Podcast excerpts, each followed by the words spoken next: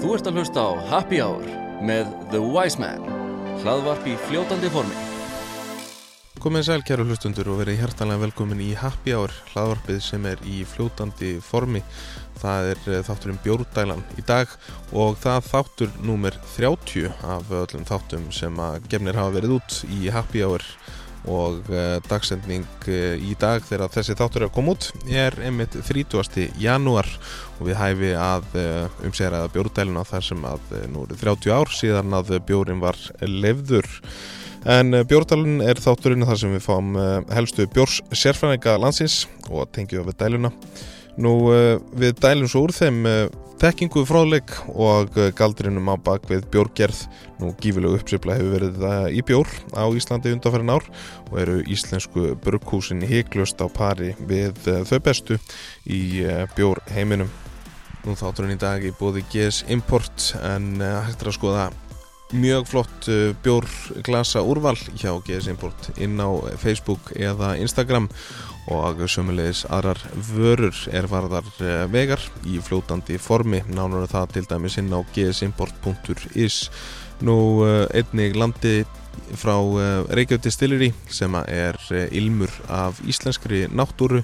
eini löglegi landin á Íslandi og fánlegur í herrafattaverslun Kormáks og Skjaldar eða í fríhöfninni ef að þið eruð að leggja land undir fót. Nú eh, blómabúðin Dögg í Hafnafyrir hefur einnig verið mikill vinur væsmenn síðan eh, frá byrjun og eh, gaman að segja frá því að eh, í blómabúðinni Dögg fáið þið hlustundur góðir eh, 15% afslott ef þið segið að eh, væsmenn hafi sendt ykkur þangað. En þá að máli málana. Nú, gestur bjórdalunar að þessu sinni er mikill meistari, enda lærður brugmeistari frá elsta bjórgeraskóla bandaríkjana, nánara tiltekið Siebel's Institute of Technology sem staðsvöldur er í eh, Chicago. Nú, svo er gaman að segja frá því að eh, gestuminn í þættunum er ættað réttu megin af vestfjörðum, eitthvað sem við munum heiklust krifja hér eh, í þessum þætti. Saman ætlum við að fara í gegnum bjórfræði og draga lærdóm af því Uh, gestur minn veit sannarlega hvað hann uh, er að uh, syngja í þeim efnum enda bruggmeistari Borg Brugghús Takk hérlega fyrir það Hvernig ertu? Bara rosalega fín Er það ekki? Jú, nokku, nokku góður Ok Já Uh, jú, ég fekk, mér, fekk smá bjór í gær en hérna, þetta er alltaf að koma til bara Já Þannig að það getur enginn dæmt þig fyrir það því að þú ert bruggmeistari og vinnur við það Nei, þetta, þetta er alltaf í miklu hérna, uh, rannsónarskyni náttúrulega Já, algjörlega Þannig að maður má þetta Já, nákvæmlega Herru, það er hérna loksins komið að þessu hjá okkur uh, Við réttum saman í December um að gera þátt Og nú erum við hér Já, uh, Nýtt ár, nýjir möguleikar, nýjir bjórar Hvernig er legst ár í þig? Bara pff, rosa vel sko hérna, Þetta er alltaf bara einhvern veginn að smetla meira og meira saman hérna finnst manni Já, hérna, fullt af nýjum brugghúsum sem að byrtust á síðast ári og maður sér ekkit ennþá endan, fyrir, endan á því sko það er bara mikill uppgangur já, mikið af nýjum leikmönum í, í þessu í dag sem að hérna, er að koma með góðar hugmyndir og ennþá á eftir að fylla inn í fullt af skörðum í þessum markaði sko, og í rauninni búa til markaðurinn ennþá að verða til sko, já þessi kraftbjóramarkaður þannig að hérna, jú, ég er bara mjög spenntur fyrir hérna, næsta ári Já, uh, fullt af nýjum hugmyndum sem að við okkur langar til að koma með og í rauninni bara að sjá já, og hjá öðrum líka náttúrulega sko. já, nákvæmlega Já, Uh, tölum aðeins, koma aðeins inn á það hérna fyrir uh, þáttinn um, áður en við hendum honum uh, í, í, á rekk að hérna, við erum svolítið að vinna með töluna 30 þetta er þáttunum með 30 uh, kemur út 30. janúar og brugghúsin á Íslandi já, um það byl um 30 já það er svona eitthvað í kringum, já, svona sitt hvort ykkur, ykkur megin við 30, hérna, ef allt er talið til. já. Þannig að, hérna, já, og þetta hefur allt gerst á 30 árum í raun og veru já, og já, í, á 30 árum, en, hérna, og í rauninni bara örfá ár síðan að það voru bara þrjú, sko. Já, já. hérna, Eða, tv- já, tvö brugghús, tveir risar og núna er þetta bara fullt af, hérna, minni leikmönnum sem að gera ymsa spennandi vörur, já. hérna, já. sko, erum við ekki í raun svolítið bara á heimsmælu í þessu þú veist, erum við ekki orðin nokkuð góð í þessu bara Í, jú, hérna, ég myndi segja að við séum orðin að það séu, það eru leikminnan á milli sem að eru alveg konver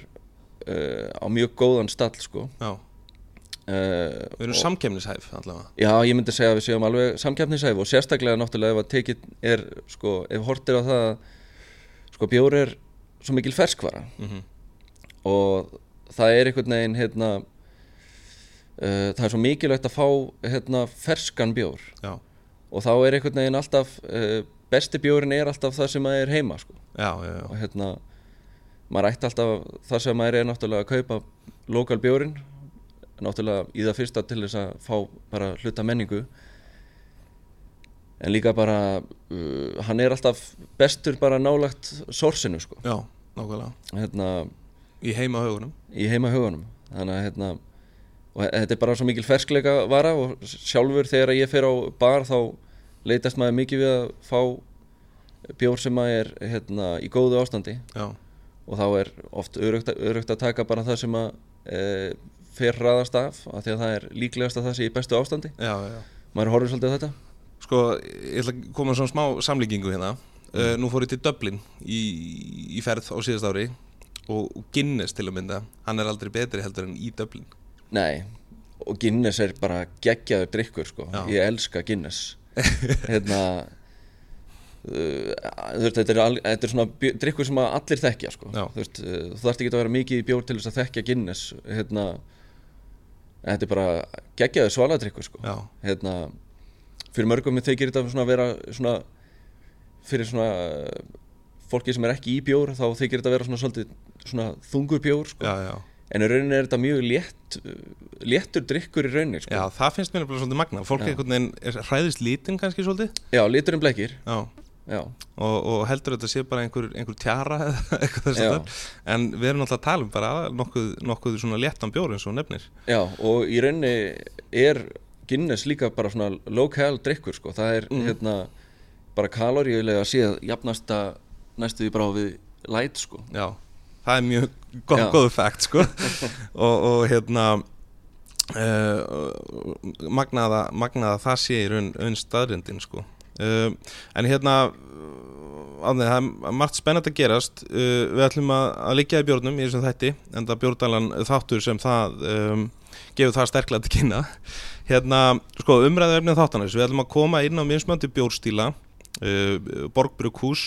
uh, svo er skemmtilegur spurningalegur hérna uh, síðar og, og sitt hvað fleira uh, en allra fyrst, áður en við skellum okkur í bjórin þá langar mér persónulega að leifa hlustendum að að kynnast þér aðeins betur ég nefni eh, vestfirði í því Já. samhengi um, þannig að ég ætla bara hreinlega að spyrja þig hver er Átni Theodor Long? Já, uh, sko, já, ég er eins og þú segir fættur eh, hérna, á Vestfjörðum, á Patræksfjörði Já. uh, Ég flytt þaðan þegar ég er 13 ára gamall en hérna, þó ég sé mjög ungur þegar ég flytt þaðan þá upplifið mig alltaf sem svona vestfjörðing sko. uh, og líka bara alltaf þegar ég kem hann á hana stað þá náttúrulega uh, fer þetta alveg í hérna, hjartað sko. Já. uh, Ég er fættur þarna, flytt svo í breiðholtið hérna, og býð þar þá, þangar til að ég er tvítugur þannig að svona Eh, Þannig að svona, ég myndi segja patrísfyrðingur og breyðhildingur Já, Geggjaðir kontrastar þarna, geggi blanda sko En hérna, líka bara geggjað að fá að upplifa þetta sko. Ég er hérna, svona, lítill sveitastrákur sko, og, hérna, og svo fer maður bara breyðaldi og það er hart sko. það, er, það er sem að hérna, eh, strákar yngri en ég eru bara með hnífa, hnífa að leika sér og svona hérna, í stöði sko. En, hérna, en, já, hérna, eh, þetta er ég og svo hérna, ég er sko uh, svona skólalega síðan þá var ég einhvern veginn svolítið, svolítið tíma að finna mig í hérna, hvaða átt ég ætlaði að fara sko. Já, en kveikti á því svona upp úr tvítu að ég væri nú örglega að fara að hérna,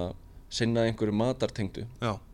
uh, kveiknaði bara á því svona já, ég get unni við að gera eitthvað svona uh, mattengt sko, hafði aldrei spáði því áður sko og í einhver tíma var ég að spá í svona uh, ég spáði í þú veist, kjötiðin bakara og hérna ég átti mér að vera kokkur sko mm uh, en svona um þetta leiti var ég líka að kynna spjór já, en ég hafði ekkert íhugað það bara einhvern veginn að það væri fólk að brugga bjór sko, að fólk sem að hefði þetta að atvinni sko já, já, þetta var bara eitthvað sem var í flösku í, í vinnbúðinni Já, og þetta var náttúrulega engin yðnaður hérna heima heldur sko og hérna sínilegin við hérna bruggun á Íslandi var í rauninni ekki neitt sko Nei. uh, en svo svona uh, þegar ég var að byrja að drekka bjór hérna, um, eða svona að ráði um tvítugt að þá hérna ég prófaði að brugga bjór heima á mér og þá einhvern veginn fylltist ég einhverju stolti sem að ég hafði ekki fundið á þau þá var bara svona, vá, þetta, var, þetta er bara einhver það sem ekki sköpun í þessu Já, sko já, já. og ég, ég var eiginlega mjög fljótur að vinda upp í það sko að ég, ég þyrti nú bara að taka þetta fyrir mig Já. og sérstaklega hérna bara sá ég að það, það var greinilega markaði fyrir þetta á hérna á Íslandi eitthvað sem að vera að gerast í bandaríkjunum á þeim tíma þú veist að, það er, að þá er kraftbjór orðin svona frekar mainstream þar já, og með alveg mjög stóra hlutild en ég sá ekkit eh, að það vera engin að spá í þessu á þeim tíma hérna heima nei, Eh, þannig að ég sá að það var bara greinilega mikill markaður já, uh, eitthvað svona skarð sem að þyrta að fylla uh, kom svo að því setna meira að það voru náttúrulega einhverjir uh, að spá í þessu á svipuðum tíma já, uh, eins og til dæmis Sturlaugur sem að er hérna uh, brugmestari með okkur í dag já, og Valgeir Valgeirsson hann var náttúrulega að koma úr skóla í hérna, Skotlandi og hérna sérst, uh, var að taka við Ölvisvolti já, já, já. og þá var þetta alltaf einhvern veginn að- að fara af stað Mhm. en það var svona ólga sko, á þessum tíma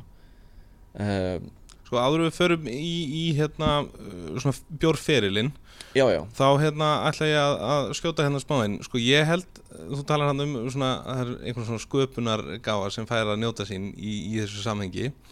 sko ég held að þetta eh, sé vestferðingurinn sko já, og þú hlýtir að vera forvitin að vita hvað ég segi rétt um með með vestferði já ég, ég spáði því ég, ég Aha. er forvitin já. málið er það að uh, fjölskylda mín hún er öll ættuð í hinum við fjörðum, hún kvíndistar já, er það? já, ok, og bæði sko amma mín er þaðan já Kvíndistal, afi minn úr Kolsvík Já. og afi minn í föðurættu á Rauðarsandi já, þú meinar, já herðu þetta er frábært sko. afi minn er nefnilega, hann er fættur hérna á Rauðarsandi sko Nú já já, þannig að hérna já, En sko, svo mér svona til Já, ég, ég eiginlega, mér fannst það svolítið ótrúlegt Ég, ég var eiginlega handvissum það að við værum náfrændur ok En við erum skildir í nýjunda ætli það er alveg bara me mjög merkilegt samt Það er fáralegt verandi, já, verandi með þessi tengst þarna sko Nákvæmlega á þessu litla svæði Já, En, skemmtilegt, þetta er skemmtilegt mjög skemmtilegt Hérna, já, En þetta er náttúrulega, þú finnir ekki betri staði á, á landinu heldur en þessi staður sko nei, þetta er bara Þetta er bara Þetta er ótrúlegu staður, sko Sunnafari vestfyrir þetta er, Já, er, sko, það er eitt brugghús eða ekki á vestfyrir jú, það er eitt brugghús hann núna sem að, hérna Uh, frendi minn reyndar re reykur hérna, Ok. hann er hérna hann, Hákon, hann er með, að reyka þetta með hérna, uh, fleirum reyndar hérna, uh, Dokkan já, á Ísafirði þeir eru á lista líka Já, þeir eru, hérna, þau eru nokkuð nýtil komin held að ég hafi byrjað núna fyrir sumarið síðasta já, uh, og þau eru hann að staðsett við höfnina og svona skemmtilegt uh, mótel sko að, þetta, að þú veist að koma mikið að skemmtivera skipum þetta þannig að Já. þetta snýst svolítið mikið um það að, hérna, ná business þar mm -hmm. en vestfyrði vantaði náttúrulega brugghús að sjálfsög og eðlilegt að Ísafjörður hafi verið fyrstur þar sko já. uh, já þetta er svolítið skemmtilegt í, í þessu samingi að, að, að brugghúsin, þessi smerri, eru ekkert endilega bundið við Reykjavík, það er bara út um allt einhvern veginn, Já, dreift um allt land já, uh, og, og hérna og það er nú svona á, á planinu að, að ræða við þetta, þetta fólk sem að hérna rekur þessi, þessi brugghús um, en hérna áttur einhver sko önnur áhagamál já, þú veist, fyrir utan bjór þá er það eiginlega hérna, matur á eiginlega hugminn allan sko Mm. hérna, ég er óslega mikið svona eldúsgrúskandi já, og hérna bara á heimilinu líður mér best bara verandi uh, að gera eitthvað þar sko mm Mhm. já, allt svona hérna, eitthvað matar drikk, ég og ég er rauninni bara drikkir almennt sko, Já, já. hérna allt svona þetta heilla mig alltaf mjög mikið sko. og einhvern veginn frá því ég var krakki þá hef ég alltaf verið einhvern veginn svona ég hef alltaf verið mjög svona eh, Mikið að- selgeri. já, pikka upp lyktir sko. Já. þú veist, mikið bara svona einhvern veginn með nefið, nefið út í loftið svona, já. bara eitthvað svona, ekki bara matur sko, heldur bara svona, já hvað, hérna hérna er ykkur reiklikt og eitthvað svona bara, og þetta- af því að lykt er svo mikið svona, ég er með svo mil- mikið lyktar minni sko, og fólk er bara með lyktar minni já, þetta kemur í svo miklu stærra rófi heldur en bragði í rauninni algjörlega fólk bara átt að sig ekki á því sko. Nei, nákvæmlega og hérna bara einhvern veginn svona uh, líktir sem maður finnur í dag það er, það er kannski tengja við einhverja minningar þegar maður var krakki sko. já, uh, mann eftir þegar ég smakkaði í fyrsta skipti 16-17 ára rótarbjór já, sem er svona með wintergreen Mhm. bragðið sem er svona einkennandi bragð sem er svona eins og uh, já, þetta er bara svona minnir kannski pínu á mentól eða Nákvæmlega. eh, eitthvað svoleiðis að þá var ég bara strax tekin á hérna, æskuslóðu mínur á Patrísfjörð að því að amma mín var með svona runn, mjadjörtar já, runna já, uh, bara við útindir að hjá sér þannig að hérna, ég haldur tengt það áður sko, Nei. bara svona lyktin af þessu og þró, svo bara koma það inn í rútabjór mm og stóð að þetta er svona, já mikil romantík í svona, þú veist lyktum og svona vera tekin á staði, sko. já, já. En Þú ert, eh, og þetta er alveg satt sem þú segir, ég menn enda sko bræð sem við finnum, það er náttúrulega í raun hvað, 75% lykt í raun og veru sko. já, í rauninni uh, ef að út í það er farið og ég veit ekki hvort það sé akkurat 75% það er allavega stór hluti Já. uh, sem að í raun uh, býti bragð er náttúrulega bara nefið sko. já. ég mitt heyrði, sko, einn ein, góður félagi minn hérna, datt á hausinn fyrir hérna, áramót og fe, það var frekar slæmt, sko ok, og það, svona, helsta sem að gerðist eftir á var að hann misti lyktarskinn Jesus og ég bara, þú veist, þetta er bara margt, hljómaði eins og martröð fyrir mér, sko Já. hérna, ég bara veit ekki hvað ég gerði ef ég verð ekki með lyktarskinn sko. Nei, ég er alveg samanlega, ég tengi mjög mikið við þetta sem þú segir sko. uh, þetta er klálega mikið eh, í, í, hérna,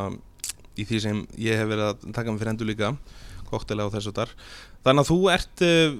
þú ert uh, áhamaður um, um vegar í, í fljótandi og föstu formi það er óhætt að segja það Já, pretty much það, er, það lýsir mér mjög mikið sko. hérna já. já, ég veit einhvern veginn ekki alveg dottið út úr íþrótta áhuga sko, en hérna, þú veist, já ég veit það ekki, sko, hérna Svo hérna ætla ég að nefna hérna smá uh, Ertu bílakall? Ég sá hérna einhvern rússa jeppa Já, já ég, ég, ég er almennt ekki bílakall sko Nei. En hérna Rúsa jeppa snerta mig svolítið sko Já. Hérna, alltaf, sko, hérna Pappi minn átti rúsa jeppa Mjög samskonar og þessi sem að við eigum núna í borg Já, Þegar að ég var yngri og hérna Hann var bara ræstur fyrir svona uh, Gæsa og hérna andaskiptir í ok Hann stundaði þetta þegar ég var yngri Já, og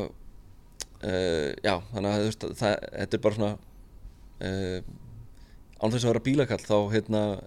þetta er, þetta er einmitt svona bara eitthvað svona snertir einhverja æsku sko já já, Herðu, eigum við að henda okkur í bjórin, aftur já fyrir mig bjór Hérna, sko uh, Ef við förum aðeins í grunninn uh, Varstu byrjar að vinna í brugghúsi að þegar þú ákveður í raun að fara að, að uh, henda þér í nám? uh, nei, ég er ekki ég byrja ekki að vinna fyrir, í þessu fyrir en sko, sko þetta ekslast þannig að ég er ég er byrjað að bruka heima á mér Já. og ég er búin að ákveða það að ég ætla að læra þetta Já, en ég er ekkit uh, alltof æstur í að fara gist í þetta nei, Þannig að ég ákveði í rauninni bara að hérna uh, ég ætla að klára framhaldsskólan sem að ég er í þá Já. ég er hérna á raungreinabraut ég sem sagt skipti frá þegar ég átti með á þessu að ég ætla að læra þetta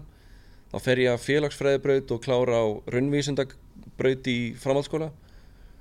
og er á leiðinni bara í matvælafræði í háskóla já, ok Eh, það er svona það sem ég ætla að taka með fyrir hendur nema hvað áður en að ég kemst þangað þá býðst mér staða hérna í ölgerinni Mm. eh, við að sjóða virt og þá hafði ég í rauninni bara hérna uh, yfirmaður framleiðslusviðs hérna heyrt af mér uh, að ég væri svona á þessari braut Ok, þannig að þú varst headhunter já, Ég elska þetta orð, sko já en mér, þetta náttúrulega kom svolítið flatt upp að mig því ég var, ég ætlaði að fara náttúrulega miklu lengri leið að þessu sko Já, já, en hann vantaði bara strák til að framleiða virt sko, sem er í rauninni bara heitar, heiti hlutin af eh, framleiðslunni já, og á þeim tíma er ég búin að átta mig á því að semst, og lesa mér til um uh, í hérna, uh, bókum og á netinu að þó svo að maður læri að brugga þá er samt miklu erfiðari leið eh, þá er kannski meira vesen að komast inn í bransan já, já, og þá ákveði ég bara að taka þetta skref í staðin fyrir að fara í skólan eða bara byrja á því að komast inn í bransan já, uh, nema hvað svo bara einhvern veginn axlast hlutinni frekar hratt hjá mér og ég kemst aldrei í, í matalfræðina sko nei, og ég fer aldrei í háskóla hérna, en uh, hlutinir bara einhvern veginn hafa rúla frekar hratt hjá mér í bransanum já, og ég komst svona hraðar en ég ætlaði mér hérna á góðan stað sko með í rauninni uh, ítök á hvað er bruggað já, uh, ég var hérna í, ég var í ári í þessu að sjóða virtin sko og þegar ég var búin að, búin að vera hérna þá þá býðst mér sko og ég, ætla, ég var náttúrulega ennþá á leiðinni í mat, að, þú veist bara pásaði þetta og fara í matvælfræðina já, en þá býðst mér bara annað stærra tækifæri í Noregi við það að aðstóða hérna í brugghúsi sem heitir Ægir Einmitt. sem er rek- rekið af bandar, bandaríkjamanni sem er staðsett í, í flom í, í sognafyrðinum já, já, og, og sko það er náttúrulega svo við tölum bara að reyna íslensku einhvers staðar lengst út í, ég ætla ekki einu sinni að nefna það nei, þetta er út í raskati Já, nákvæmlega Ég veit akkur þetta er þarna vegna þess að frænka mín bjóði Balistrand sem er í næsta fyrði já, já, já, einmitt kemur málun ekki neitt við þeim Nei. en hérna, já, magnað að- að þeir hafi plantað þetta er svolítið svona eins og að henda upp brugghúsi á borðiri, eitthvað leiðis Já, en, en samt einhvern veginn sko, ég, ég, ég skildi þetta- skildi þetta eiginlega ekki f- sko, ságæði mitt head, hefa, ég var headhendaður aftur þannig að sko að Kalli, þá, að þá hérna uh, fæ ég bara hérna simringingu f- frá þessum gæja sem að var búin að heyra að mér og hérna já, þetta var í gegn, gegnum einhver tengsl samt sko Já. en hérna þarna er annað, annað tækifæri sem að ég ákveð bara að grípa uh, og þarna er bandaríkjamaður með mjög svona bandarist þe- svona brugghús í rauninni já, uh, á mjög góðu svona uh, kaliberi sko ok og ég átta mig ekkert að því fyrir en ég fer þarna í atvinnum viðtal hversu mikið alvöru þetta er sko já, og hérna uh, og businessin þar gengur upp þetta er svona s- samskonar og dokkan hérna á Ísafyrði að þarna koma á hverju sömri bara þrjú, þrjú skemmtifæraskip á hverjum einasta degi Já. auk þess sem að kom þetta er eitt vinstalasti svona uh, húsbíla svona uh, destination já, svona hérna, camping Já, þú veist, þetta er bara risa staður sem að einhvern veginn, sko þetta er mitt á milli uh, Bergen og Oslo og upp dalinn sem að ég er, það, eða brugghúsið þarna er, gengur svona lest sem að er í rauninni sett upp af nasistum í setni heimstöldinni já, og þessi lestarferð er alveg svona, þetta er svona majestic hérna, fegurð sko já, og þetta er svona gamaldags lest sem að hérna, gengur hérna bara fyrir ferðamenn já, og það, e- þetta hefur, þessi staður hefur allt svona fyrir e, náttúrufegurð og hérna bara, já bara, þetta er mjög fallegu staður, þetta er bara svona, maður keirir inn í þetta í rauninni sko e, í gegnum göng, Já. sitt hvort megin eða á sjó og hérna, bara um leiðum maður kemur út um göngin þegar maður er að koma á staðin þá bara einhvern veginn opnast þetta eins og einhver svona paradís já, já, bara einhver ný veröld Já, og ég kem hérna í atvinnum viðtal og ég bara s- finn það strax hérna þegar ég kem út úr göngunum bara svona, já, shit, ég ég er til í þetta ég, þetta er staður sko og þetta er pínu Patricksfjörður líka sko já, já, já, nema hvað það er að því að þetta er svo, það er svo háfjöllin hann að það er, þú veist, blæs ekki vind sko. nei, nei, nei mesti vindur sem að mældist þannig þegar ég var hann á hálfu ári var 5 metrar á sekundu Já, sæll, það er alveg næs, svona til tilbreytinga kannski já, en þetta var uh, en ég, ég fer hérna og er í hálft ár læri rosalega mikið af hérna tveimur strákum sem að uh, kunna vel til verka Já, og þetta er í rauninni þarna kemst ég svona í kynni við lítið brugghús Já, já. og starfsemi í því Vo- voru, það, voru þessi stráka hérna normin eða voru þetta Nei, þetta var, það var þessi bandaríkjamaður sem að er hérna, uh, frá hérna, Buffalo í New York-ríki ok, og hingæin er frá Toronto sem er hinum með við sama vatn hérna, upp í eh, Kanada Já, í Kanada og ságæði var hérna, headbrewer, þessi frá Ka Kanada og hérna uh, já, ég bara læriði rosalega mikið af þeim hérna, eigandanum og þessum hérna, aðal brugara já, uh, ég held í rauninni áður en að ég kom þarna að ég væri svona svolítið með þekkingu sko já, en hérna fann það strax þegar ég byrjaði, byrjaði þarna að ég ætti margt eftir ólært já, en kom svo heim hérna rúmið hálfa ári setna reynslunni ríkari sko já. Það lítur að vera gaman að, að að pröfa að fara þarna og einmitt eins og þú segir, hefur sko allst upp allan tíman í breðaltið þá hefur þetta mögulega kannski ekkit endilega verið staðurinn Nei, en, þetta- en já, svona auðvöldara fyrir patrísveringi kannski já, og í rauninni hérna, ef að hlutinir hefðu æxlast aðeins öðruvísi þá hefði ég uh, hérna, verið þarna lengur sko Já, já. og planið var í rauninni að vera þarna bara að setjast þarna að Já, þarna er ég komið með fjölskyldu, tvö börn og uh, eiginkonu og en hérna á þessu hálfa ári sem að ég er þarna úti þá ætlaði ég sko var planið að kona mín var að klára master í verkfræði já, og planið var að hún myndi klára það á hálfa ári og koma svo bara út til Norex með börnin en hérna eh, það reyn- reyndist vera meir en handfylli að sjá um börnin og hérna eh, klára námið þannig að Já, já. námið ílengdist og ég þurfti bara að koma heim og, en uh, rey, þetta fór í reynslubankan og ég kom ég, ég hef aldrei séð eftir þessu náttúrulega næni Og það er gott að búa að þessari reynslu já, já, já, já.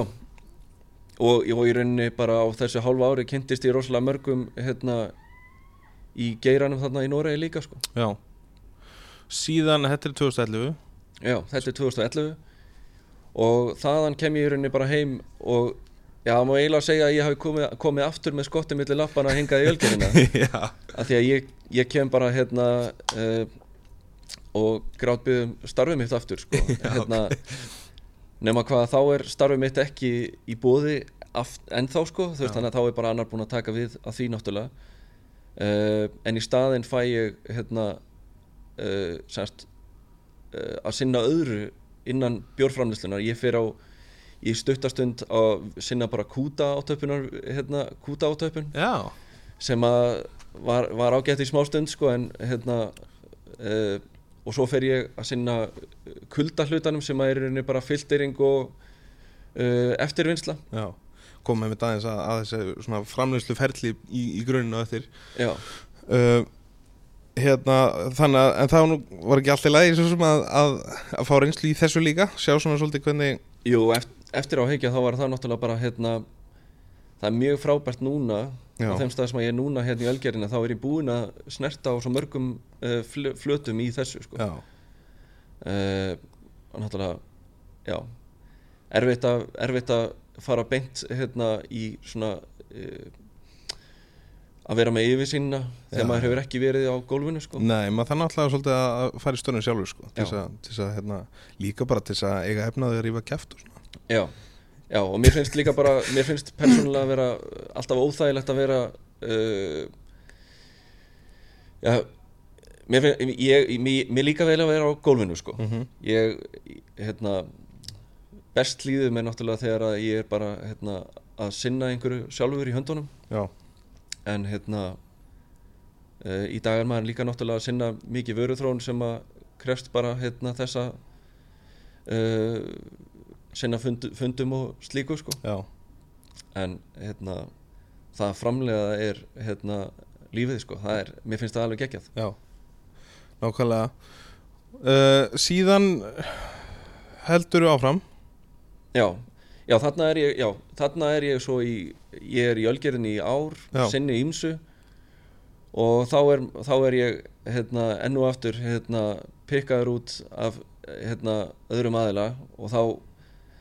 var það tækifæri sem að ég þurfti að stökkva á aftur sem að var hérna að taka við burgmestarstöðu í Ölfusholti í Flóarhe- Flóarhreppi Já, já, já, og á þessum tímabúndi þá hefur Valgeir Valgeirsson hérna sagt bless við þá og er komin í Ölgerðina hérna í Borgbrukhús já, uh, og mér er semst búið að taka taka við brugmestarstöðu þarna og þarna býðst mér í fyrsta skiptið tækifæri til þess að svona, eh, uh, búa til mínar eigin vör já, já, og hérna Uh, ég er náttúrulega búsettur í bænum þannig að ég, ég tek þessari stöðu en þá er ég náttúrulega bara að keira fram og tilbaka á Já. hverjum degi sem er svolítið hart, sérstaklega að veituna en þannig kemur aftur bara mikill skóli fyrir mig og ég kem inn í lítinn vinnustað þar sem að uh, ég í stuttastund sinni í rauninni öllu er, flestu sem að kemur að því að reyka brugghús já, uh, að ég er að framleiða og ég er að, hérna, þú veist að það er allt frá því að sjóða, setja á flöskur, filtera, allt sem ég er búinn að taka annar staðar frá sem reynslu, mhm, en svo er ég líka bara, hérna, að ringja í kúna og taka kvörtunum, sko, já, og játmvel, hérna, skrifa út einhverja reikninga, þannig að þetta er svona, eh, það er bara allt aspekti í raun bara. já, en, en framleiðslu hraðin var nú aldrei neitt rosalega mikill á þessum tíma uh, en þegar ég kem inn í þetta þá er komið eitthvað fjármagn inn í þetta félag sem að hérna, uh, hefur, hefur eiginlega alltaf verið svona svolítið hérna, erfiður sko, já, uh, reksturinn sko. þó ég veit ekkert náttúrulega í dag sko, hvernig það stendur sko. en ég kem að inn þegar það er nýtt eh, svona, meira fjármagn komið inn í þetta þannig að það er aðeins að spýtt í lóan á hérna, kert á nýjar framleysluvörur mhm, uh, og við erum, að- við erum að ná, náum góðu skriði í smá stund erum með útflutning til Svíþjóðar og hérna á hérna, austurströnd bandaríkjana já, uh, en svo einhvern veginn uh, rekstralega síður fyrir það gengur það frekar illa þannig að hérna, og það, þá er svona að fara að fjara, fjara undan því uh, og þá á þeim tímapunkti þá í rauninni uh, býðst mér bara að koma hingað í Borgbrukus uh, og vera innan þú veist, vera í því, því teimi já, uh, og það þótti bara mjög þótti mér mjög spennandi á þeim tímapunkti sko. já. Uh, var þá Valgeir ennþá í, í, í borg? já, já, þá er, í rauninni- þá er Valgeir ennþá hérna en Stulli er að fara þá á þeim tímapunkti uh, til Svíþjóðar í ár já, já, að þá er hann hérna uh, að fara að sinna öðru og ég er rauninni að leysa ég er rauninni fyrst ráðin bara af til að leysa hann í þann tíma sem að hann er í Já, burtu já, sko. ok. uh, þetta er sumari 2013 sem ég kem inn já, uh, þriðaskiptið sem ég hérna, er ráðin í algerina af sama manninum já, en það er snild já, Þú ert í raun, hvað, fjóru sem er búin að vera headhunter þá? Já, eða, þú veist, að minnstu kostið þrísvar Am- Já, en, en þegar ég kom inn að í þriðja skipti þá hérna, uh, hitti ég þennan yfirmann minn sem að hérna, ríði mig Já, sem að sagði nú, við- hann sagði nú við mig hérna, hann, hann let mig bara fá líklan af búningsljófanum mínum sem að ég hafi verið með áður já, og sagði að þetta væri nú bara allt hérna handa mér ennþá sko að því hann vissi að ég myndi koma aftur er þú kallaðir heimalingurinn hérna? Já, getur verið sko ekki, ekki, ekki í andlitið á mér sko Nei, en nei, það nei. getur vel verið Nei, nákvæmlega Já, en, en ég hef einhvern veginn alltaf hérna, jójó að hinga tilbaka Já, og, en núna búin að vera einna síðan 2013 óbrótið og það er lengsta sem að ég hef verið í vinnu nokkuð tíman sko. já, já, en hérna en það er líka bara rosa mikið að gera einna og hérna mann hefur ekki leiðist já Nákvæmlega, sko, frá mínum bæðutunum séð þá lítur út fyrir að þið hafið svona, svona, svona mikið frelsi til að leika ykkur og, og, og skapa nýjar, nýjar vörur það er, það er hérna svona, lítur út fyrir að það sé svona mjög skemmtilegt uh, skemmtileg vinnustæður er, er, er ekki gaman að vinna hjá Borg? Jú, ég myndi mér finnst, mér finnst verkefnin sem við verum að sinna bara gríða skemmtileg og það er náttúrulega ég held að það sé sko það er margt sem að við búum að verandi í ölgerinni náttúrulega Já, að við erum með svo mikinn styrk í hérna, bara hvað ölgerin er stór og við erum með náttúrulega bara við erum í faðmi hérna, svona uh, stórs fyrirtækis Mhm. og fáum mikinn styrk út frá því og ég held að mörg brukhús uh, öfundi, öfundi kannski þá stöðu sem að við get- erum í hérna, að það er ekki hérna, hvert einasta bat sem að við gerum hérna, þú veist, make or break mm -hmm. eins og var kannski í Ölfusholti já, þegar ég var þar að við getum hérna lift okkur að gera vörur sem að við erum ekki 100% confident með að uh, eh, selji já, já, hérna, eða falli eh, svona í alla þannig að hérna eh, já einmitt, ég tengi bara við þetta sko að verandi í Ölfusóldi þá maður þurfti að gera vörur sem að selur já, og hérna svona uh, en hérna í Ölgerinni þá við erum með hérna ágætis kynningamátt já, og við getum leift okkur að gera til dæmis uh, við, við gerum hérna reyktan lagarbjór 5% sem að, sem er, sem að flestum bjór unnandi eh, svona, finnst ekkert eitthvað mjög spennandi stíl mm. en okkur finnst mjög, mjög næs að drekka þetta og geta þú veist bóðið upp á bara breyttina já, já, uh, við gætum alveg verið að gera bara IPA alla daga alltaf sko sem, Já. að, sem að fólk er að drekka en uh, í rauninni eh, hlutverk borgar er líka bara svo mikið þetta snýst svo mikið um að kynna mm -hmm. og í rauninni uh, við erum að við erum einhvern veginn vittin hjá okkur er kannski ja, stundum finnst mann þetta að vera alltof mikið sem að við erum að gera sko. Já, þannig að hérna uh, það er erfitt að marstera hérna uh, alla bjóra já, já, en, þannig að við förum kannski svolítið uh, breytt yfir og lærdómurinn er kannski svona aðeins hægari að því að við erum ekki að gera uh, alltaf sömu bjórana nei, nei, nei, en hérna, mikill lærdómur náttúrulega í því að gera uh, breyða flóru að við erum líka einmitt, uh, og við getum líka leift okkur að tunnuþroska bjóra í hérna, þrjú ári ef að við viljum þó að lagarstjórn sé ekkit kátur með það en hérna, jú það, það er mjög gaman að hérna, geta gert svona uh, vittlusur svona svolítið heimskulegar hugmynd- hugmyndir inn á myndi líka sko. já, já, en svo líka erum við bara við getum gert dýrabjóra og ekki fundið rosalega mikið fyrir því nei, nákvæmlega já, Þetta er svolítið skemmtilegt og, og það hlýtur að vera gott að, að hafa svona smá svigrún einmitt til þess að, til þess að hérna, bara upp á ykkur sjálfa að,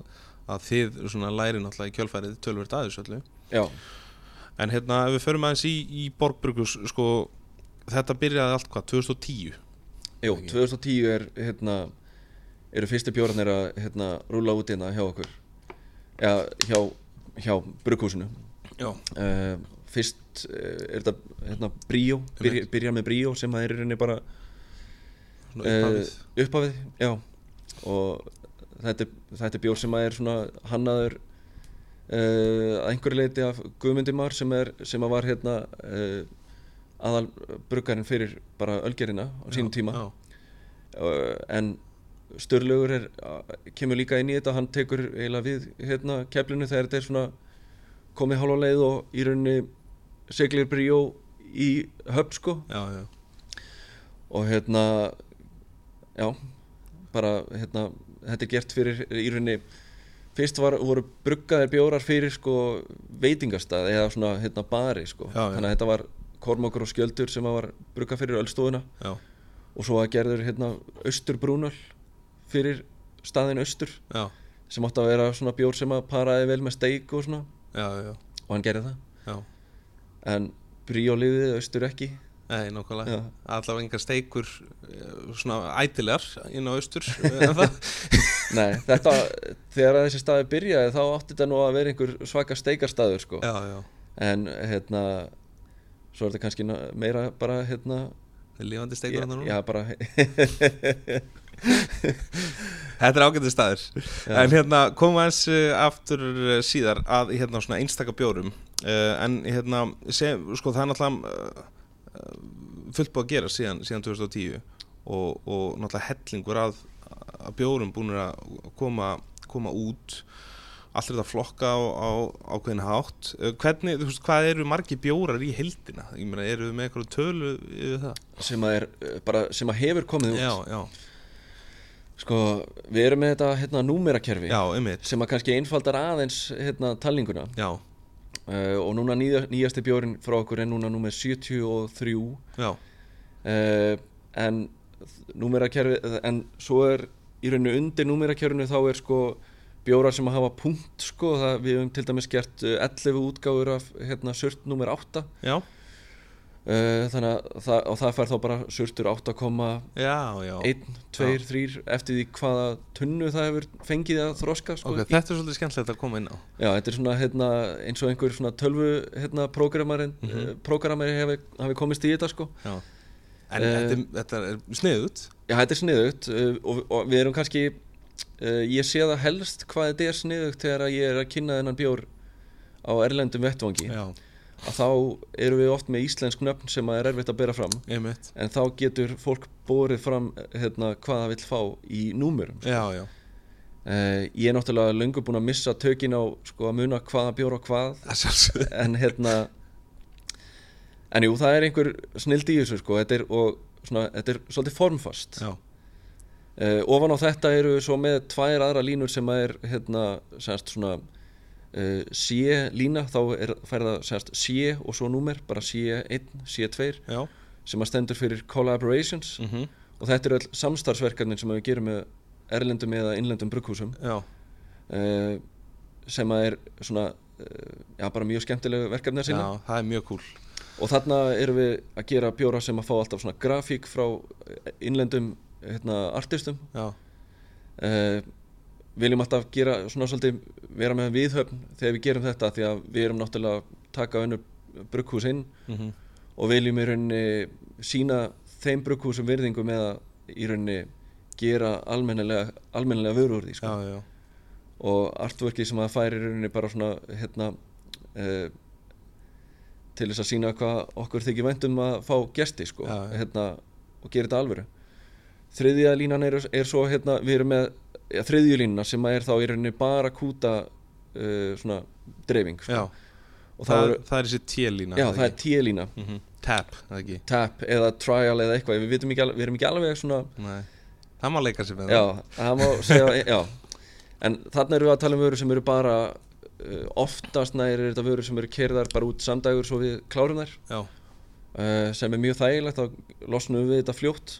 og kúnin fær það líka í rauninni eins ferst og hægtir já, já, sem er eitt, sem að, svona, eitt þáttur sem að við okkur finnst mikilvægur já.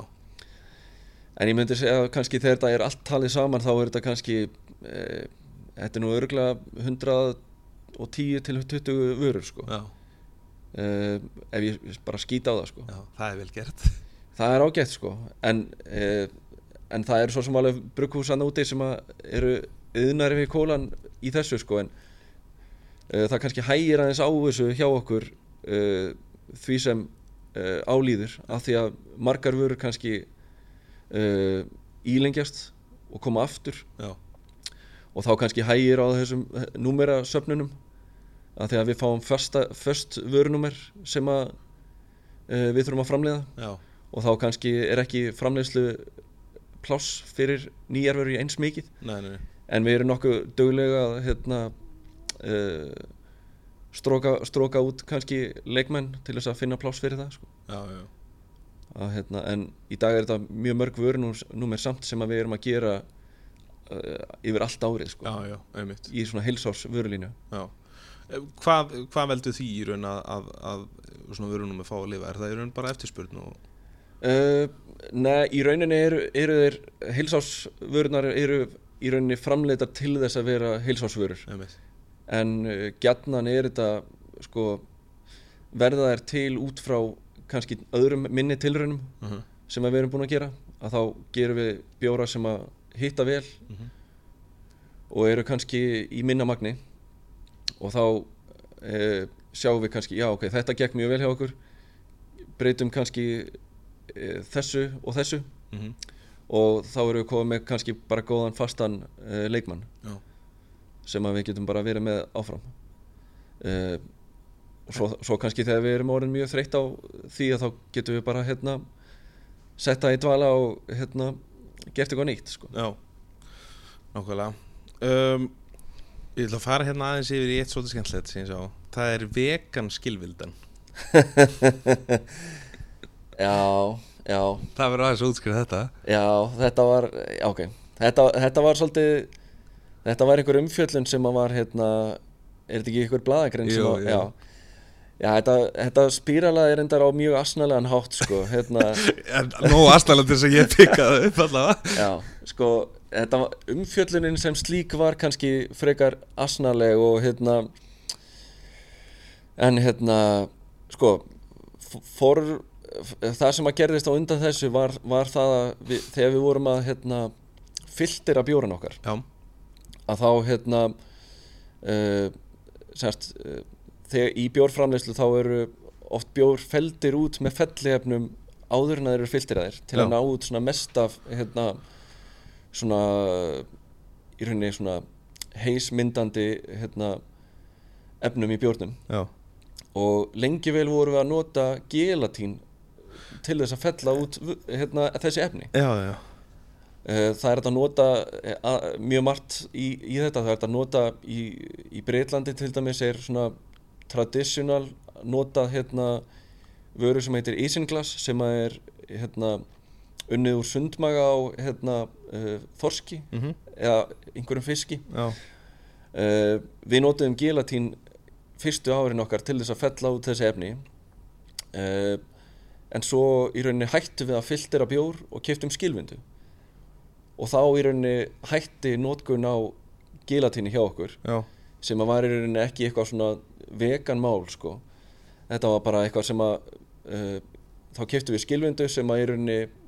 gerir hérna tekur ekki jafn mikið af bræðefnum úr bjórnum þannig að við erum í rauninni bara með betri, ferskari vöru mhm, en á svipum tíma þá er einhvern veginn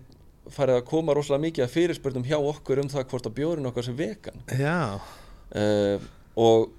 uh, og þá er einhvern veginn hérna uh, einhver ringir í mig frá einhverju blaði og það er svona svolítið hysteríu mhm, uh, þetta er svona svolítið hysteríulitt símdala það er svona æsingur Já, já. hérna, og ég átti mig ekki alveg á því hvað ég er að hérna uh, á svona umfanginu mhm, en þá er einhver búinn að skjóta á það að við séum hérna, búinir að vera að nota hérna, fiskibein eða eitthvað til Já, þess að já, já. hérna, í hérna, bjórun okkar sko, sem er náttúrulega eitthvað sem að gilatín er unnu úr já,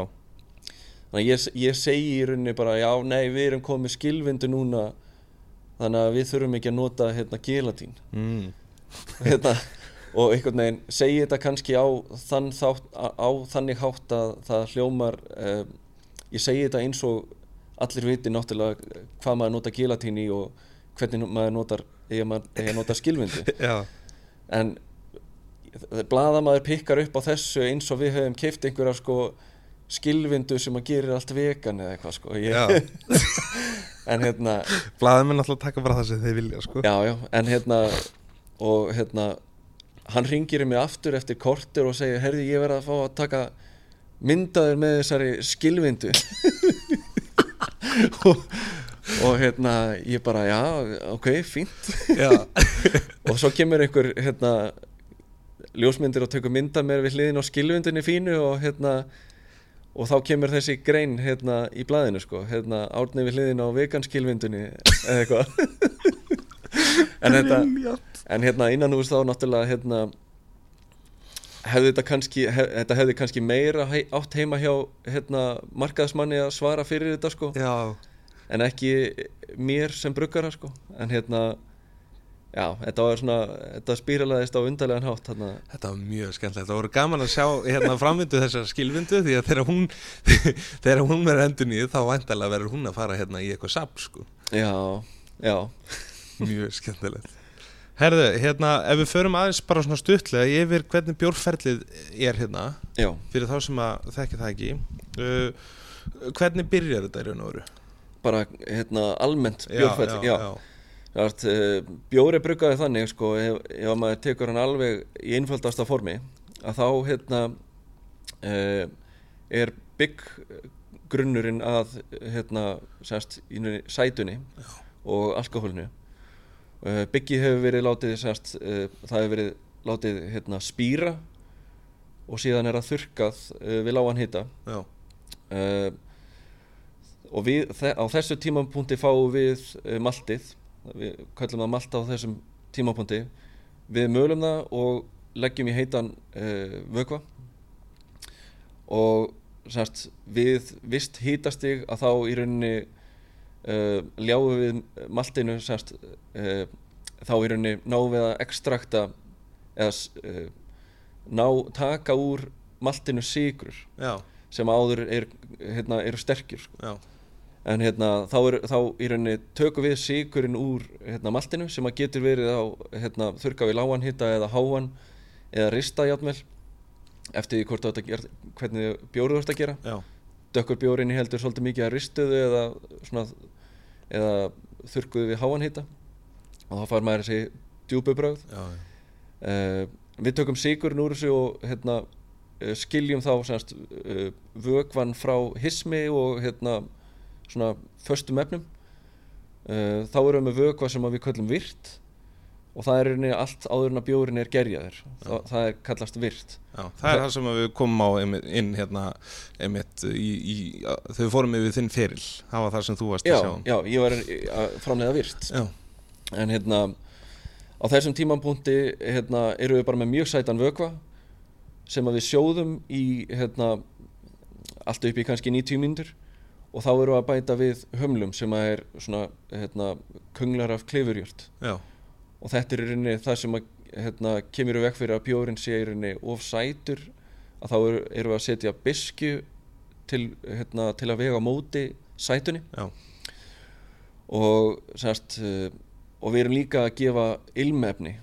með hum, humlánum líka sko. já, já, Eh, eftir að þetta hefur verið soðið þá er þetta náttúrulega þá er þetta sterilt uh, og hérna löst við örverur sem að voru í maltinu og þá er vökun keldur niður í eitthvað á milli 10 til 20 gráður og gerir bætt við og það sem að gerin gerir er að hann í rauninni getur einföldustu sigrunar sem hann kemst í og hérna breytir því í alkohól og kólsýra þannig að í rauninni kólsýra er náttúrulega mynduð í bjór já, uh, þó að það sé alltaf bætt við aðeins í lokin til þess að svona, hérna, uh, lifta honum aðeins betur, betur upp sko. að uh, já, þá er þá er henni getið uh, hlutfall af sigrinum já, þó að það sé alltaf einhver smá sæta eftir í bjór mhm, það er bara svona hérna, uh, svona floknari sigrur sem að verða alltaf eftir af svona lengri sigurkæðum já, já, uh, þannig er einu bara bjórin tilbúin til pökkunar sko, nema að það sé einhverja svona hérna, uh, einhverju viðbætt í sko. Mhm. mjög gjarnan eru við að hérna, setja humla í gerjunarferlið já, eða þroskun og það er einu það sem er eh, svona helsta einkennismerki India Pale Ale bjóra já, sem að er náttúrulega hérna, tröllriða öllu þessa dagana já, já, og, og er einu bara síðustu áratug í bandaríkjónum líka sko. já. Í IPA-bjórar IPA. Gissur hérna uh, ég átti að verð tala um að margir sem komið í vínbúðun og, og erum með svona IPA-bjór Já, þetta er eitthvað sem að hérna, ég þól ekki en, hérna, en á öllum norðurlöndum hérna, finnst manni hérna, jafnvel fólk í bransanum sem se- segja bara en IPA og NEIPA og hérna, eitthvað svona sko uh, Já, já, Mér finnst það ó- ótrúlega hérna, óþjólt eitthvað já, já, nákvæmlega En hérna, en sko filtering eh, ge- er það, það er ekkert endilega uppbundu við allan bjóra Nei, ekkert endilega sko hérna, maður þekkir svolítið filter að bjóra að því bara hversu Tærir tærir þá. rosalega tærir þeir eru að hérna ef að bjór er alveg kristaltær að þá er hann, er hann nú að öllum líkindum filteraður Já, en hérna í dag hérna, er rosalega það er svona trend í bjórheiminum í dag að bjórar séu ekki filteraðir já, og þá til að mynda svona IPA bjórar eru svolítið hérna, að hérna, eru svolítið mikið á svona hérna, skýðum hérna, veng svona já, já í hérna, telleikanum sko hérna, þannig að svona, þetta er svona heisi IPA bjórar Já, já, sem að gjarnan eru kendir við hérna, svona nýja England já, já, kallaðir New England IPA já, já, Eh, bara, bara vegna þess að svona, þetta er bjórstil sem að þróaðist að miklu leiti í hérna, Vermont, Massachusetts Ok. í bandaríkjunum uh, já en eh, já, filteringin Þú varst að- já, já. Nei, Já. ég var bara að pæla þig Ég er nefnilega, sko, ég er pínu sökkar fyrir hérna, eh, fyrir botfalli, sko Ég Já. veist að það er svona að gefa þetta kynna að, að, að þetta sé svolítið fersk vara já, einmitt og hérna, og, já, fó- og fólk er oft svo rætt við þetta einhvern veginn Já, hérna ég man eftir því sko þegar ég var að hérna e, fyrst svona að standa fyrir hérna einhverjur hérna eins eins og í Ölfisholti já, þá vorum við að framleiða svona e, kveitibjór já, sem að var alveg svolítið skýjaður og það var alveg, við fengum alveg kvartanir sko yfir því að hann væri eitthvað gallaður af því að þetta væri ekkert eins og bjór já, en hérna, manni finnst eins og þetta sé svona aðeins að, fólk sé aðeins að komast yfir þetta Já. og hérna skilja í rauninni að bjór er bara hérna uh, fjölbreyttur drikkur já, en þetta er eitthvað sem að við erum búin að vera að vinda ofan af í rauninni hérna á Íslandi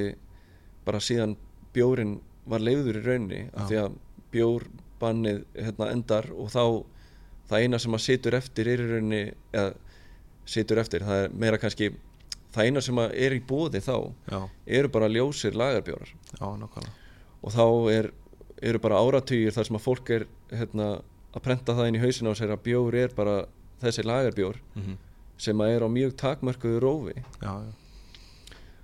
og þá þegar að eitthvað annað hérna, kemur fr- fram á sjónarsviðu þá er það bara einhvern veginn svona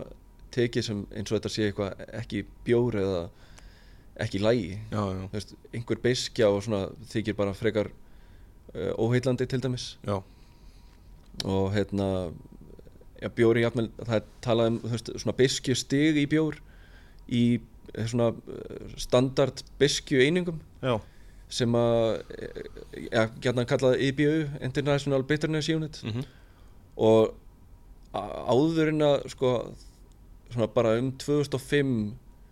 áður en að svona lítil brugghús byrja að riðja sér til rúms að þá er henni mjög fáir bjórar á Íslandi sem að ná yfir 25 biskiðningar já, sem er alveg mjög svona hóflegt já, já, uh, Bríó til dæmis uh, kemur fram á sjónasviðið, sjónasviðið hérna 2010 og hann er með 35 og hann þykir alveg nokkuð biskur í samanburði já, já, uh, en já, og svo eru kannski inn- hérna, þessir IPA bjórar kannski upp í þeir eru kannski 60 algengt eða 70 já, já, en þetta er hvarðið sem að gengur bara upp í 100 í rauninni sko já, eða svona það er nú ekki, þetta er svona en þó, þó svo að einhverjir það sé alveg þetta útreiknað að setja að gera þúsund biskeininga bjór eins og Mikkeller kannski já, hefur gert en uh, mælt eh, hérna fyrir þetta ekkert yf- yfir hundrað sko þannig nei, nei, nei. Nákvæmlega. Hvað, hérna, hvað myndir þú segja væri svona mikilvægasti parturinn af uh, svona framleiðsluferlinu? Uh, ég myndi, prr, ef ég myndi svona kannski pinpointa eitthvað svona, hérna, hvar ég myndi vilja hafa hæfast á mannin, sko, Mhm. þá myndi ég, þú veist, segja svona eftirvinnslan, filtering og pökkun, sko. Já, Uh, einfallega bara vegna þess að, sko, helsti óvinnurinn í, hérna, uh, sem að við erum að díla við í bjórheiminum er súrefni já, að hérna, bjórin inniheldur hérna, kólsýru sem er loft en hérna, því meira súrefni sem að kemst að bjórnum því í rauninni minni ferskvara er hann já, já. og því minna sest, í sti- skemmri tíma endist hann Mm þannig að við erum sífælt að berjast við að vera með minna súrefni í bjórnum þannig að hérna, jú, ég myndi segja þú veist, þetta er mjög mikilvægur þáttur já. þó að þetta sé náttúrulega allt samhangandi en Fyrsteringin, hún er, ef að ég væri, ef að ég væri, ef að ég væri að reyka batteri með starfsfólk þá myndi ég setja hæfasta mann vægið á sérst, já, það er svona uh, filtering og pökkun í rauninni sko. það er nefnilega hangið svolítið samla við næsta lið. Við viljum halda aðeins áfram síðan með nokkra einstakabjóra sem við viljum taka hérna eftir þennan næsta lið. já, Þetta er í raun svolítið svona ný liður í, í bjórdælinni. ok, Uh, og hérna, þetta er spurningalegur sem hefur enn ekki fengið nafn. já, já og það vil svo skemmtilega til að það kemur í þinn hlut að finna nafn á þennan lið ó já, ég er til í þetta uh, rétt eins og hérna uh, mestrabarðun Áskip Bergmann fekk að gera í þætti númer 19 af hristaranum þar sem að um, væsmann tala við barþjóna uh, þegar hann skýrði svipaðan lið streynerinn streinerinn, já því að það er hristarinn og svo Já. streynerinn all right, all right þannig að lístur ekki vel að þetta ég er til í þetta Sko, svo ég útskýra aðeins hennar lið, hann er hérna settur uh, á þann hátt upp að uh, við látum allt mögulegt flæða úr krananum uh, að því við erum í bjórdælni. Uh, það er skemmtilegu liður sem er stútfellur af randónspurningum, sumum krefjandi, sumum auðvöldum, uh, sumum steiktum. mm. Uh, grunnin er þetta 11 spurningar, uh, nokkra frumsamtnar af uh, væsmenn sjálfum, einnig eh, spurningar uh, frá utanankomandi aðilum uh, sem að við komum hérna að á eftir. Sko hug, hugmyndin er, ég mun svona nokkrar pælingar, bjórsían, malarinn, maltarinn eða bjórfilterinn. uh, pff, Já Skilvindan Eh, Skilvindan. Skilvindan, Þetta er það eitthvað? Já, það er bara, það er bara alltaf að fara að vera skilvindan. Já, Ég ætla bara að skrifa þetta Þetta er skilvindan Það er ekki nokkur einasta spurning já. Herðu, Þú eru settur í skilvinduna já, nokkulega Þú er náttúrulega við einhver mjög mikið í þessu Herðu, þá er það bara staðfest Eh, Þessi liður heitir hér með skilvindan Nett Þakka fyrir þetta Ertu tilbúin í þetta? Kýlum á þetta Ok Fyrsta spurning, þú er tilbúin í þetta? Nei, en gerum þetta Sko, ef þú mætti velja þér eitt brugghús í heiminum til að eiga Hvaða brugghús verður það? Innbef Eh, bara eh, s- langstæst og verðmættast Já, bara nóga cassi þar Já Það er mjög gott um, Sko, númer tvö Þú mátt velja þér einn kvenkins bruggara til að hanna bjór með Hver er að vera það? Alison, Alisson hún er að hún er að vinna með okkur núna þannig að ég, ég vil hana Ok,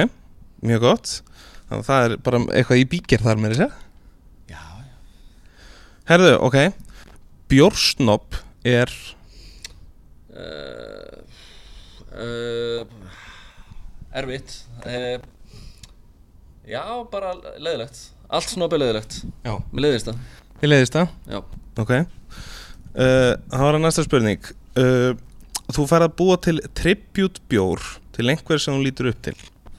uh, einhver legend celeb eða bara hver sem er uh, hvaða persóna hvernig bjór og hvað heitir bjórin uh, ég, er nú eiginlega, þ- ég er eiginlega búin að gera þrjá tributbjóra til þe- þessa aðla áður sko okay, gott. En ég myndi bara að gera annan hérna, Prins Polo tributbjór Já, uh, Já, ég myndi bara að gera eh, fjórða sem að eh, myndi bara heita Lífvert að grínast eða eitthvað Ég elska Prins Polo uh, uh, Og hvernig bjór? já, ég myndi segja bara hérna hann er svona, þú veist, tónlistamæður sem er svona allra sko, Já. hann er svona bjartmaður okkar tíma sko ég myndi segja að þá bara væri það svona allra manna bjóður sko, bara einhver uh, mjög einfaldur lagarsbjór, já bara lífast að grínast Ég fíla það Lí... Þetta er bara selt Ef ekki bara hendur hann á marka eða Já, ég veit ekki, þetta er, þú veist, það að ég gerir svona mikið af, hérna, eða við gerum svona mikið af Prince Polo og tributbjórum, það er kannski fyrir að jaðra við einhverja svona, hérna, n- hann setur nálgunabanna á þetta eða eitthvað, sko. Já Herra, ok, uh, spurning nummer 5 uh, Það er til nokkrar bjórtýpur á meðal neytanda Mm. Hvora af eftirfarandi típum velur þú frekar? Nú, það er A uh, Get ég fengið vennulegan bjór, takk Eða B Get ég fengið einn skósóla infusion session triple IPA hér Hvort myndi ég velja? Já, Venjulegan allan daginn. er það? Já, já, já. Það er frekar típa, ok? Að- þú- Já, býtu, býtu nú við. Ég hef smakkað svoleiðis áður, Já, en ég er forvitin líka, já þannig að tökum skósólan. Skósóla? Já. ok Ég kalla eftir því að það hendur í skósóla Infusion Triple Session IPA sko. Já, ég myndi prófa, ég, ég prófa flest Já. eh, En það, það má einhver annar brug, brugga þennan bjór Já, ok Herðu, þá erum spurningum 6 Hvaða jurt úr íslenskri náttúru er í uppáhaldi í bjórgerð? Það er Klísja, en það er Blóðberg Það er Blóberg Já. ok Klísja sér þið Já, það er svona Við höfum notað það svolítið mikið sko Já, Á stundum hefur okkur, á stundum hefur okkur fundist eins og það sé svona komið gott sko já, En uh, ótrúlega frútt í hérna jurt sko geggja, Ég- ég- geggja aróma líka Já, ég elska lyktina af blóðbergi sko Já. Ef ég sé það hérna uh, á sömurinn þá hérna þá setjum ég alltaf nefið í þetta sko Já, en líka svo sexy litur sko, svona fjólblar Svolítið eins og væsmenn Já, nafnið er líka bara gott sko Já, nokkulega Herðu, uh, þetta er svolítið skemmtileg spurning Spurningum við sér uh, Einn af þínum uppáldssjónsetum í heiminum heitir Atomstöðin Já Ef þú ættir að gera bjór í anda Atomstöðarinnar Hvernig bjór væri það? Ok, Þetta er rosaleg spurning þetta væri dö- dirty bjór sko hérna, þetta væri atomstöðabjórin væri brennivins viðbættur uh, brennivins viðbættur svo er þetta lí- líka svolítið svona landsbyðar menn í þessu held ég upp til hópa sko þannig að já, brennivins viðbættur stát Já, með þorskróði mjög gott Og það getur í raun verið kannski þetta bara doppul brennivínsfílingun Það getur kannski bara tunnuþróskan líka já, já, það er ekki galið sko Er Það ekki? nei, Mætti halda að ég verður orðin einhverjum brúkvæmstur hérna Herðu, ok Spurning nummer átta Þessi spurning kemur frá Það eru, það eru tveir aðlar, utanakomandi aðlar sem að uh, fengu að vera með spurningu í þessum lið Mm. og gaman að segja frá því að þeirna báði Hjörvar já, Annar er uh, björnsérfrængurinn Hjörvar Óli sem að Ok. kom í, í hérna, eh, karfluna eh, nei, í, hérna, í björndaluna og fyrsti, fyrsti viðmælandi þar uh, á Brúdögg uh, en hinn er uh, máa minn og hann er uh, bjór áhuga maður ok og trökkabílstjóri, mikill meistari hann spyr þe- þessa spurninga uh, hvað er vondurbjór? hvað er vondur bjór mm. já, þetta er þetta er vítt sko Já. hérna, en hérna en maður myndi kannski setja eitthvað utan um það sko, bara hérna svona uh, bara bjór sem er ekki gerður af heilum hug Já, það er, það er uh, vondubjór ef maður, ef maður summur það kannski upp í eitthvað eitt sko. já, þetta er mjög, mjög gott svar sko. Herðu, þá er það spurningur með nýju uh, Væsmann er auðvitað með sérhæfingu í koktelum uh,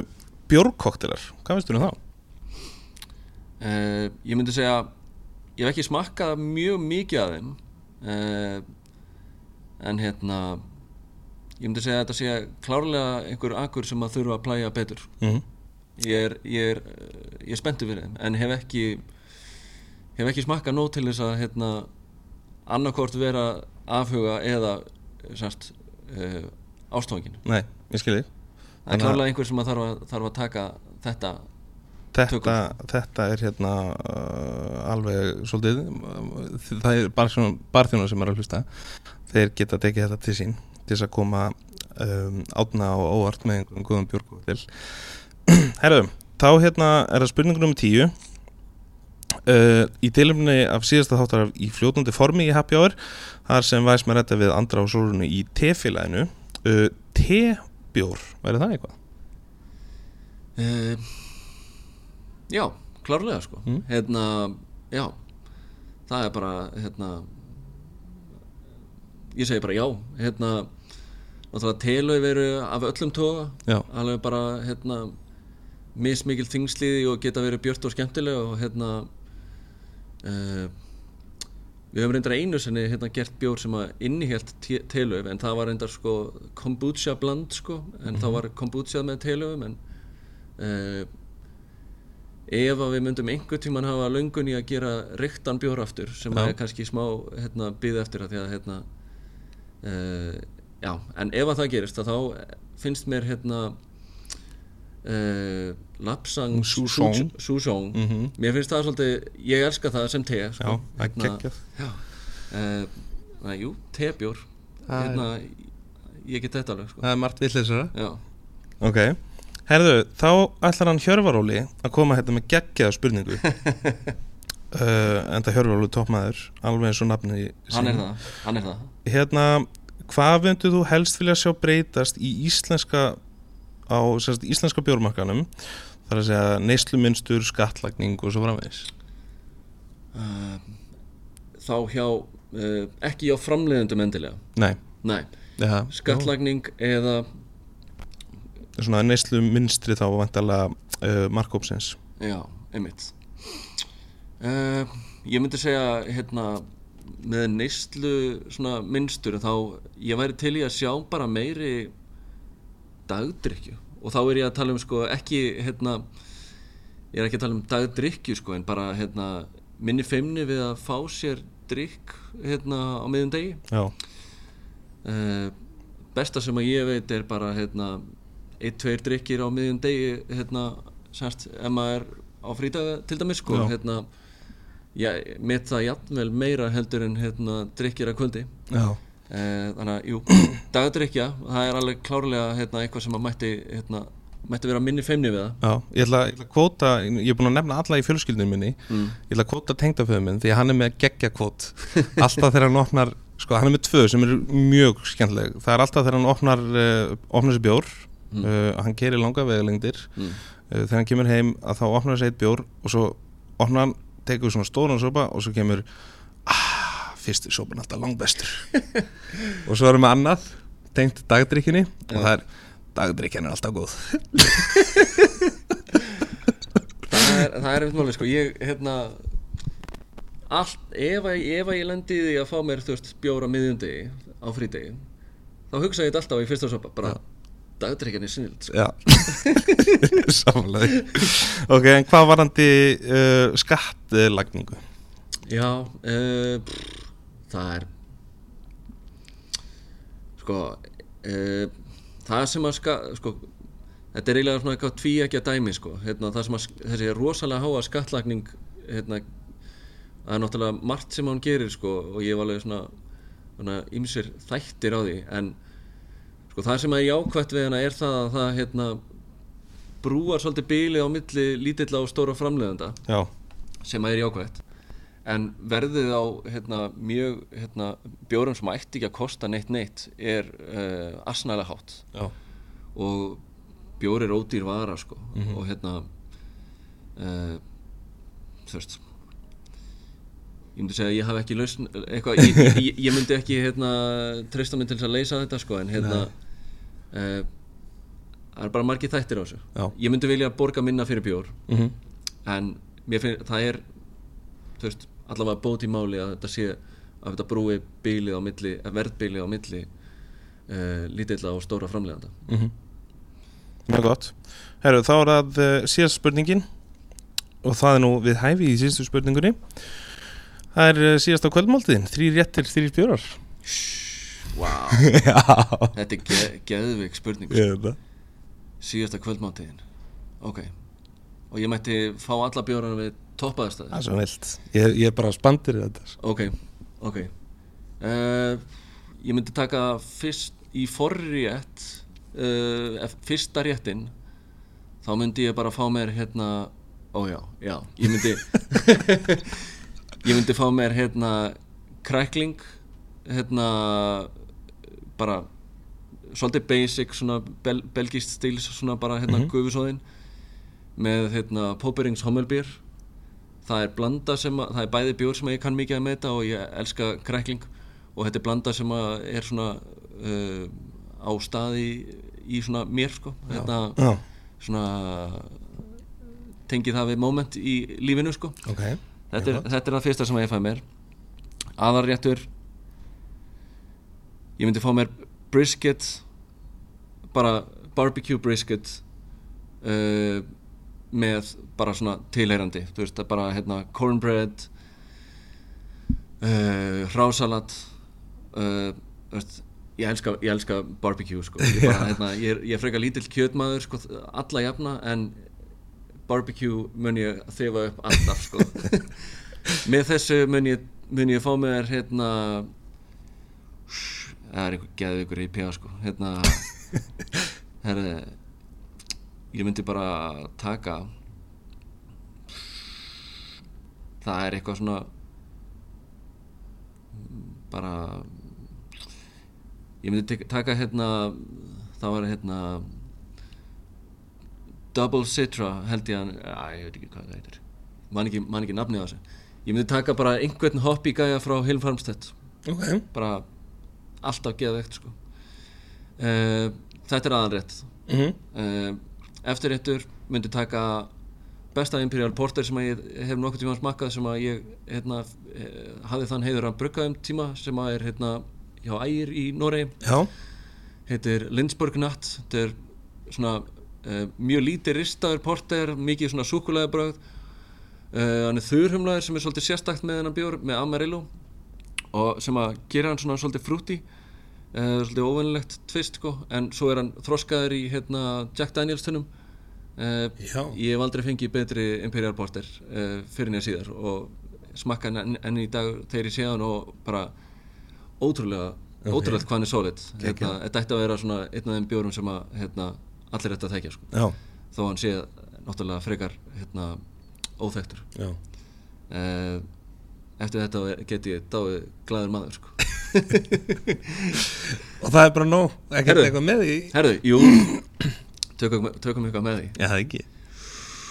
Eitthvað í förstu formi já, fast, fast form, bara hérna ég geti tekið creme brulee Já, bara svona geða solid Þetta hérna líka hugsa svona þú veist, þessi karamellisering með því myndi bara uh, ná mjög vel hérna í bjórin Mhm. mm -hmm. wow, ég þarf að gera þessa máltíð sko, þetta er Já það hljóma keðu allt saman sko Við köllum þetta því að einhver veitingastæður hendi í síðustu kvöldmáltíð Átna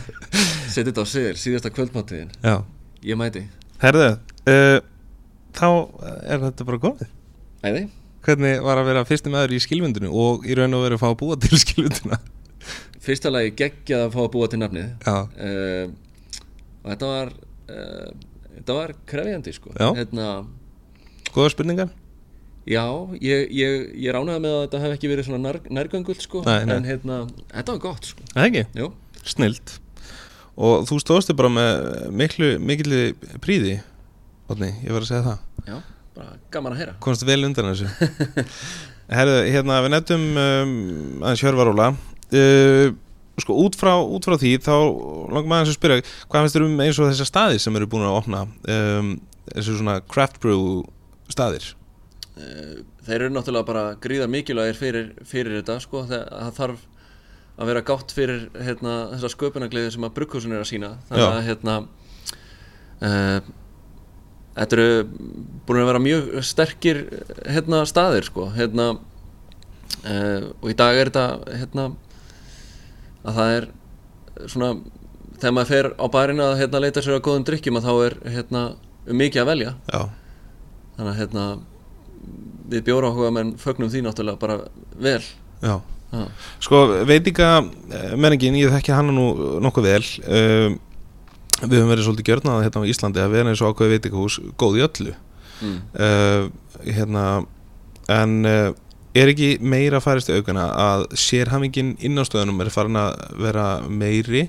og við erum svona farin að uh, hvað segja svona uh, þrengja þess það sem við erum góð í og fókus á færri hluti og gera þá bara ennþá betri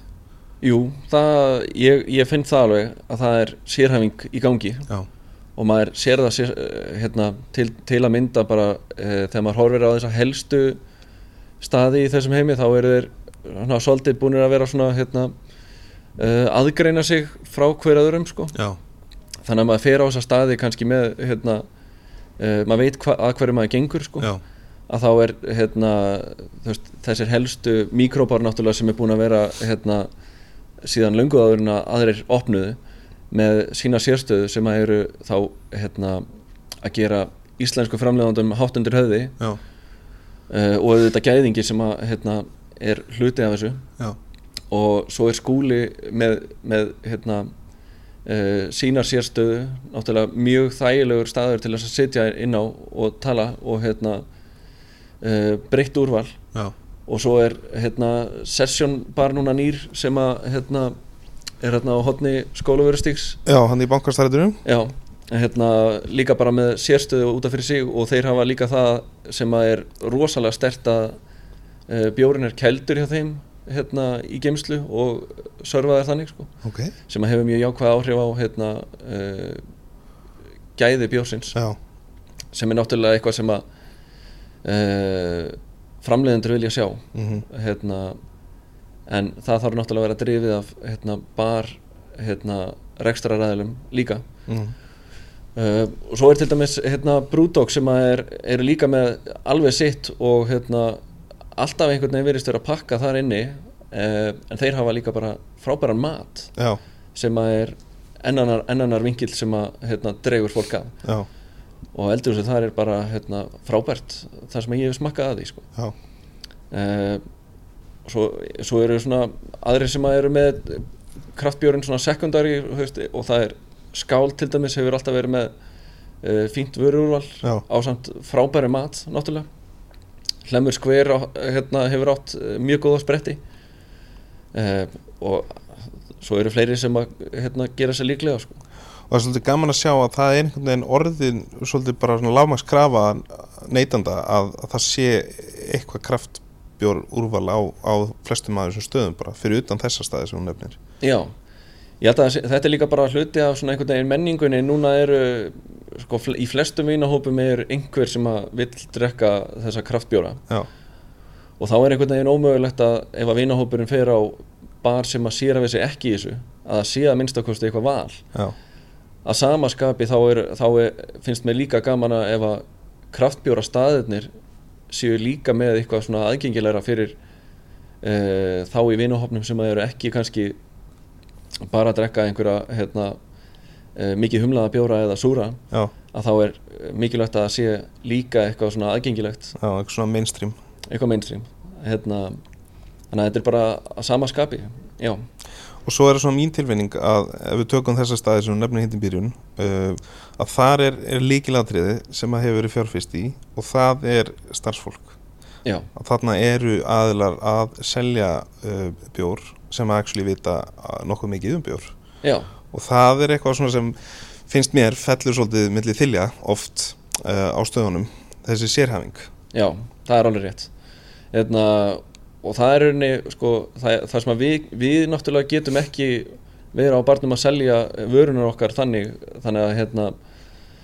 við viljum auðvitað vera inn á þessum hérna, eh, stöðum til þess að þar sem að þeir eru presenteraði rétt í Já. góðum glösum rétt eh, hreinsuðum og hérna og að sagan kannski að einhverju leiti skilur sér til kúnans já, eh, og náttúrulega og, og annar bar sem að ég náttúrulega myndist ekki á áður var hérna er Ölstofan sem að hefur náttúrulega alltaf verið hérna staðið vel við hérna bjór já, já, og bjórgæði eh, að þetta er bara svona já, mjög mikilvægt fyrir okkur að vera þar sem að þetta mm, fær einhvern veginn svona rétt treatment já, nákvæmlega hérna og svo er eflust einhverju staði sem við erum að glema en, en það er náttúrulega Já. fullt af stöðum sem að, sem að eru að gera uh, rosalega góða hluti hvað þetta varðar og, og, já og svona sérhæfingin svolítið felst í því Það er það og ég held að kunnin líka í dag uh, hvort sem það sé bjór eða matur eða hver annar drikkur að hérna, uh, neytendur vilja sögu og hérna, vilja fræðast Já. um það sem að þau eru að setja í sig algjörlega, að hérna, bjór er ekki lengur eh, einhvern veginn svona hugsanalegu strikkur sem á, að þú- þú pantaðir þú rennur yfir hérna, matseðilinn og pa- pantar það nei, og velur vel og færð upplýsingar frá þjóninum já að þá er ekki jafn algilt að fólk bara panti sér eitt bjór með eins og það sé að panta sér hérna, og það væri líka gali að þú myndir til dæmis leggja mikið í að hérna, pantaði drikkin en svo myndir þú byggja um eitt mat með því já, já sem að þannig að já, já, algjörlega en fólk er svona farið út úr því að, að hugsa um bjór engungu til þess að svala þorsta að það er, er svona meiri mening með honum já,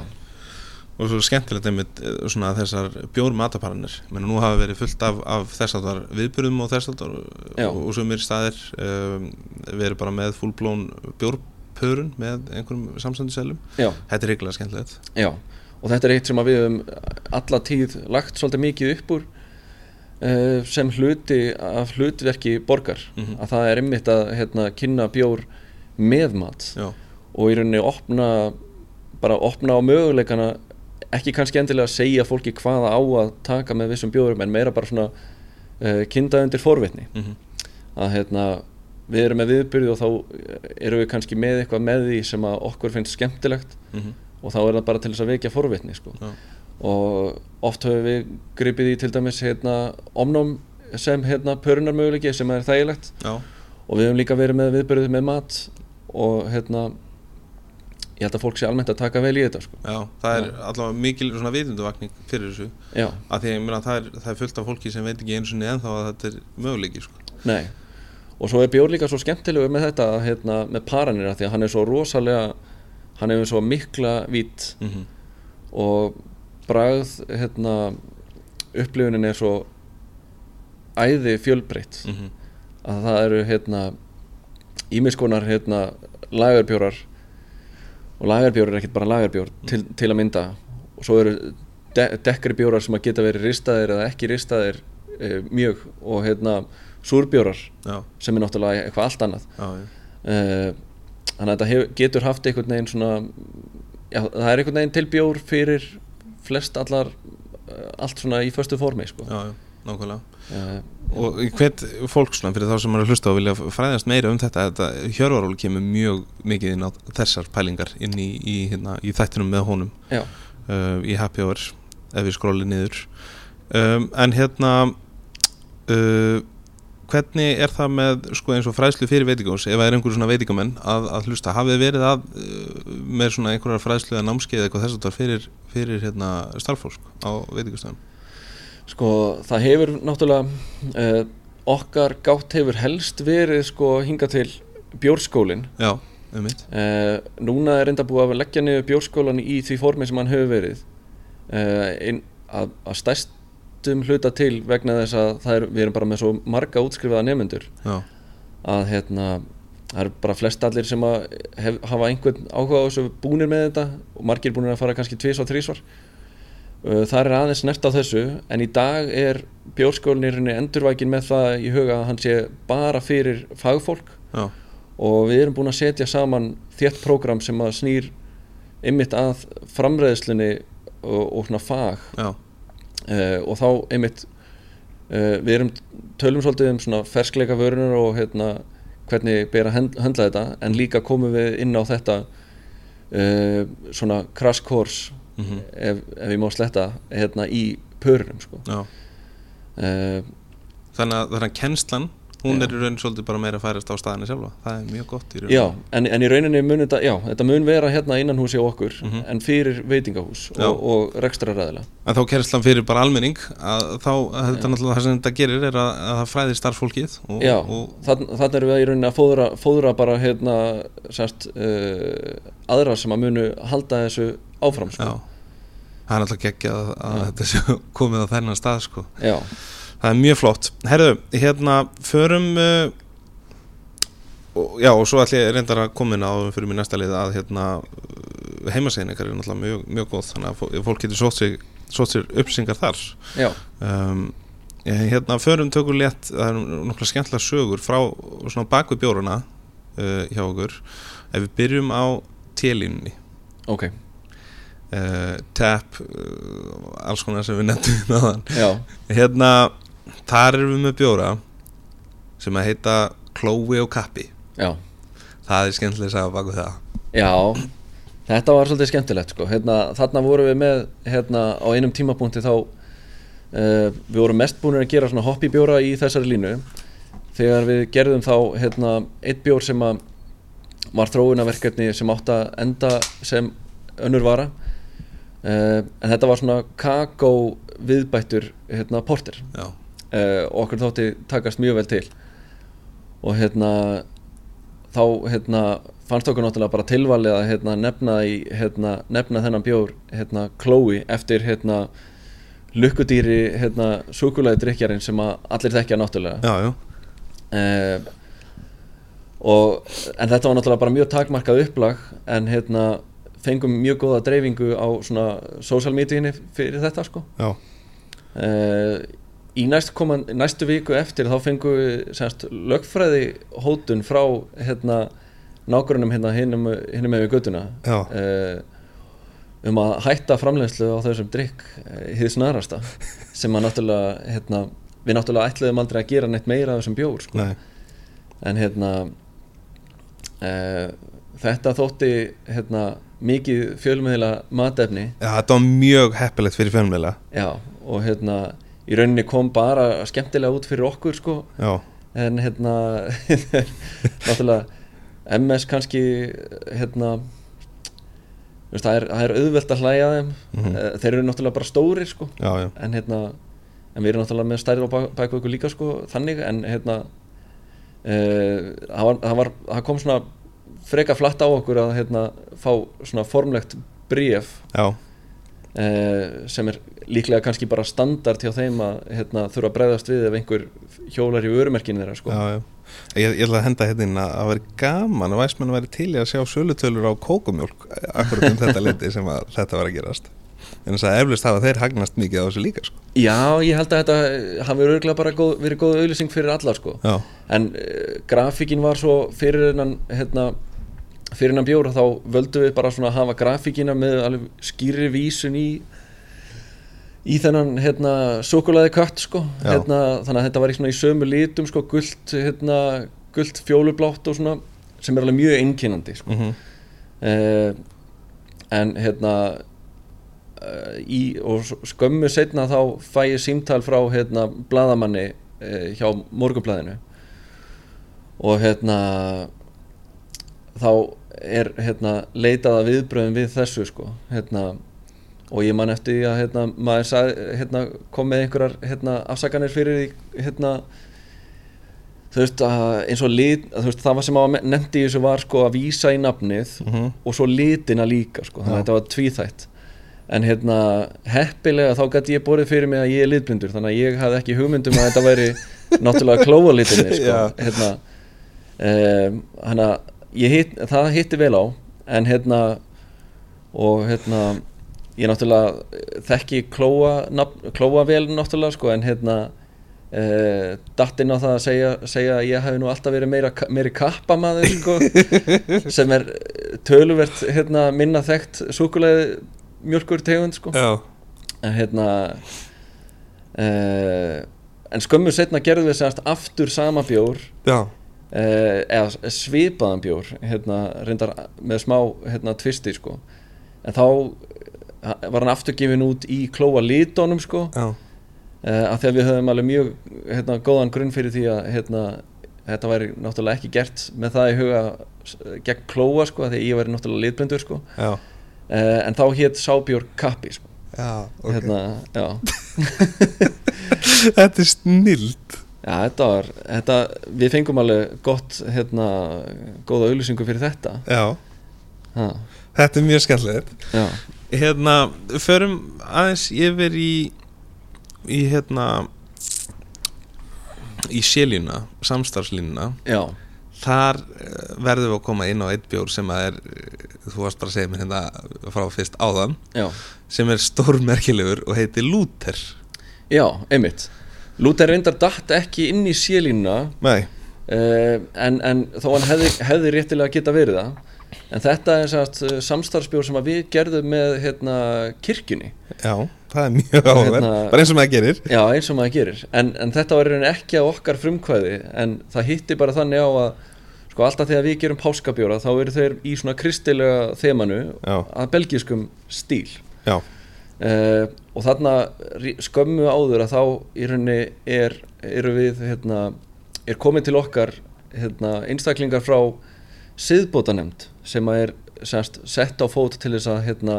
halda, á, halda heiðri Martins Luthers já, og í fyrra var semst þá 500 ára ammali uh, þess að Martin Luther hafði hengt upp hérna svona siðbóta reglur Já. sem að koma náttúrulega þessu uh, öllu á stað sko og í tilöfni ammælisins þá vil- vildu, vildi siðbótanendin og þá kirkjan gera bjór með Borg Prukkus hérna, með nafninu Luther já og auðvitað stukku við á þetta bara strax eh, náttúrulega hérna, að kólaba með kirkjunni er eitthvað sem að Þú veit ekki okkur að gera á fannst hverju degi sko. algjörlega geggjað sko. Já, hérna, og þetta, þetta var alveg snar blessaður hérna, bjór og hérna, fengum prestin hérna, til okkar þegar við vorum að brugga og hérna, þetta var svaka stuð sko. Þetta var tekið alla leið já, já. Og, og svo var þetta mitt hérna, bjórin var smakkaður til hérna, á útgáfudegi af hérna, einhverju svona kirkjuráði Já. og hérna siðbótanemt og þau mættu öll á hérna, viðbyrð og skúla hérna, bara fullu salur af prestum og hérna, Þetta er svo gott sko. Þetta var alveg, þetta var einhvern veginn svo, hitti svo fáránlega vel á Já, eh, bara konseptið sko hérna, já, mér ánaði með þetta já, er þetta hérna svona eitt af eftirminnilegustu? Já, þetta var alveg, já, þú veist, við alveg bara vorum alveg gargandi glaðir hérna þegar þetta kom á borð til okkar sko Líka náttúrulega bara af því að þið í raun hafið ekki frumkvæðið á þessu sko. Já, það var eiginlega, það var eiginlega besta við það sko hérna, Stundum fellur allt með manni mm, En hérna síðan uh, svona í tilbyrni þáttar nummer 24 þar sem ég rétti við uh, snillingana um, á bak við Kambútsja Æsland þau uh, Rögnu og Manuel uh, þá hérna kom út uh, samstagsbjór með þeim já uh, segjum mér aðeins frá honum Já, þetta er semast, hérna, þetta er bjór sem að við gerðum með þeim hérna og hérna, sko, þau nálguðust okkur með þetta, hérna, konsept og við vorum svona líka búin að vera svolítið eh, utan í þeim svona bara til þess að læra Já, uh, svona um þennan drikk betur og þau eru náttúrulega bara helstu snillingarnir í þessu hérna heima, Já. einu sem er að gera þetta að einhverju viti, svo ég viti til já, já, uh, en niðurstaðan var sérst svo að við myndum að við sérst gerðum svona blöndu mhm, við brukuðum semst á svona léttan hérna uh, uh, öl hérna hjá okkur með blóðbergi svona létt skíðan og þá tókum við sko hluta við blönduðum saman þessum bjór og kombucha frá þeim sem var svona sér, sérlega vel þroskaður já, og gerðum svona sessionable hérna drikk sem að var eitthvað 3,5% eða svo mhm, uh, niðurstaðan fannst mér bara geggjuð en kannski svona eftir á að þá var kannski markaðurinn uh, tókið sér svona svolítið, það var svona mixt hérna, viðbröð mhm, uh, ég held að fólk almennt ekki kombucha lítið en hérna, það er svolítið svona einkennandi etik bröðið í þessu já, eða bragð uh, en þannig að þetta var, fekk ekki geggjaðar viðtökur en mér persónulega fannst þetta mjög góðu drikkur mhm, uh, mjög svalandi en hérna kombucha alveg klár, klárlega hérna, uh, góður svona bragð vingill á þetta já og ég held að við séum svona ennþá svolítið bara að explora hvað þessi geggjaði drikkur er sko. já, Þetta er svona svolítið ungt einhvern veginn já uh, en, en, en niðurstaðan var sérst bjórin, hann hétt Skoffín Já, sem að er hérna eh, sko ekki raunveruleg hérna raunveruleg vera en það er afkvæmi refs og hunds já, já þetta er svona góðsakna vera sko magnað já Er einhver patrísfæra tenging þarna? Vegna þess að á patrísfæri er, uh, segir í sögum að þessi félag sem borðar refi Já, þetta er hérna, jú, þetta er hérna Ég man vel eftir þessu þegar ég var yngri sko, að þá voru hérna félagmanna sem voru að borða refi sko. Ég veit ekki hvort að þetta hafi verið beintengt við hérna pottormanna sem að er hérna, svo erst að heita pott Já, kalla félagið sko eða í, held, í, í minningunni var þetta kalla félag uh, Jú, en ekki beintenging sko, Nei. en hérna en reftengingin er alveg sterk að já það ég, vestur sko. mér var bara dættið í hug ég, Ok, mjög magnað uh, En já, klálega var fannst ekki gaman að, að kynnast í raun þessum uh, drikk uh, kombucha, þessu virkar bara mjög Já. og hérna reyndar fyrir það hef ég verið svona svolítið áhugað samur um þennan drikk og gert hann heima sko Já, en hérna við lærðum mikið af hérna, þeim hann hjá Kombucha Iceland já, uh, en þau eiga bara þetta segment og við erum ekkert að fara í þó að við gætum mögulega gert einhvern tíman kombucha þá er þetta ekkert sem að við erum að fara uh, eign okkur eða fara þungt í sko neini en uh, við getum gert bjór og við getum gert kombucha ef við viljum og hérna en þau gerir þetta vel og hérna, ef að við myndum eitthvað að gera, gera í þessu þá er þetta meira kannski svona innútvörur eins og í tílinni eða eitthvað Já, nákvæmlega hmm. Herðu, þá fyrir við í næsta Það he- er bjór sem heitir því skemmtilega nafni Haustrung já, eins eðlilegt og það er já sem að, já, það hljómar mjög hérna, hérna svona nærgöngult kannski Ak- já, En- en, en- hvernig þetta er það yfir? en hérna baksagan á þess á, á baki er samt nokkuð góð sko því að hérna þarna er að baki önnur saga af lögfræðibréfi já, sem að við fengum sendt frá hérna, lögfræðingi brugghús í Þýskalandi og þá er þetta brugghús sem að heitir hérna, Beer of the Gods, Wacken og þeir sér hafa sig í svona norrænum góðafræði bjórum já, og hitti þannig á að þeir eru semst að gera bjór sem að heitir surtur sem að er tölvert frábröðin okkar surti já, og þeir vildu að við myndum hætta framleyslu á þessum surti af því að þeir eru með bjór eh, sem að er eh, lögverndaður undir sama nafni já, auðvitað En við vorum náttúrulega ekki á því að hérna, uh, láta surtsnafnið frá okkur af því að það er orðið svona uh, eitt af okkar einkennum Já, einkennismerkjum Rísastórt Já. Þannig að við sendum bara uh, til baka hérna, bréf og buðum, þeim, buðum brugghúsinu bara að hérna, gleyma þessu máli og koma hingað í staðinn og brugga með okkur bjór Ok, geggja og úr var það hérna, þá náttúrulega var þetta, var þetta hérna, allt lagt niður og hérna, eh, frið, friðsam, friðsam samskipti millir bruggara hófust Já, og við fengum hérna Helga Pál bruggmestaran frá brugghúsinu hingað til okkar og við brugguðum bjór hérna, sem að er svona súrbjór með hafþyrni já, og hérna, aprikosum ef ég mann rétt en, hérna, þe- en einhvern veginn glemdist uh, í ferlinu að ræða nafnið á, bjór, á loka vörunni já, sem að gerist náttúrulega oft á svona brugdeginum að þá verður bara eitthvað skemmtilegt til og við ákveðum nafni þarna glemdist það Mm. en hérna þegar að hann er að landi brott að þá einhvern veginn hérna, erum við að ákveða nafnið bara upp á okkar, semst, okkar á milli mhm, og þá fannst okkur alveg hrikalega fyndið sko, að því að við stálum eða, þú veist, í- þannig séð uh, í einhverjum heimi þá stö- stálum við hérna, surtsnafninu mhm að þá fórum við reynlega bara inn á heimasíðina þeirra og fundum út að þeir eru líka með eitt bjór sem að heitir því skemmtilega nafni Hástrung Já, eh, sem að er náttúrulega bara svona húsdrykkur Já, já. Á, svona á þýsku sko, þetta er svona standard uh, everyday bjór og þá náttúrulega bara ákvaðið að stela aftur að þeim nafni hérna, og kalla þennan haust, haustrung sko, já, eða hástrung já hérna, já, og það var, það var niðurstaðan Þetta er, þetta er snild já, en e, þeir höfðu náttúrulega bara húmor fyrir þessu Já hérna, já Segðu mér sko í þessari selinu þegar þeir eru að gera svona collab uh, project er fílingurinn eins og hjá þér sem brugara er þetta svolítið svona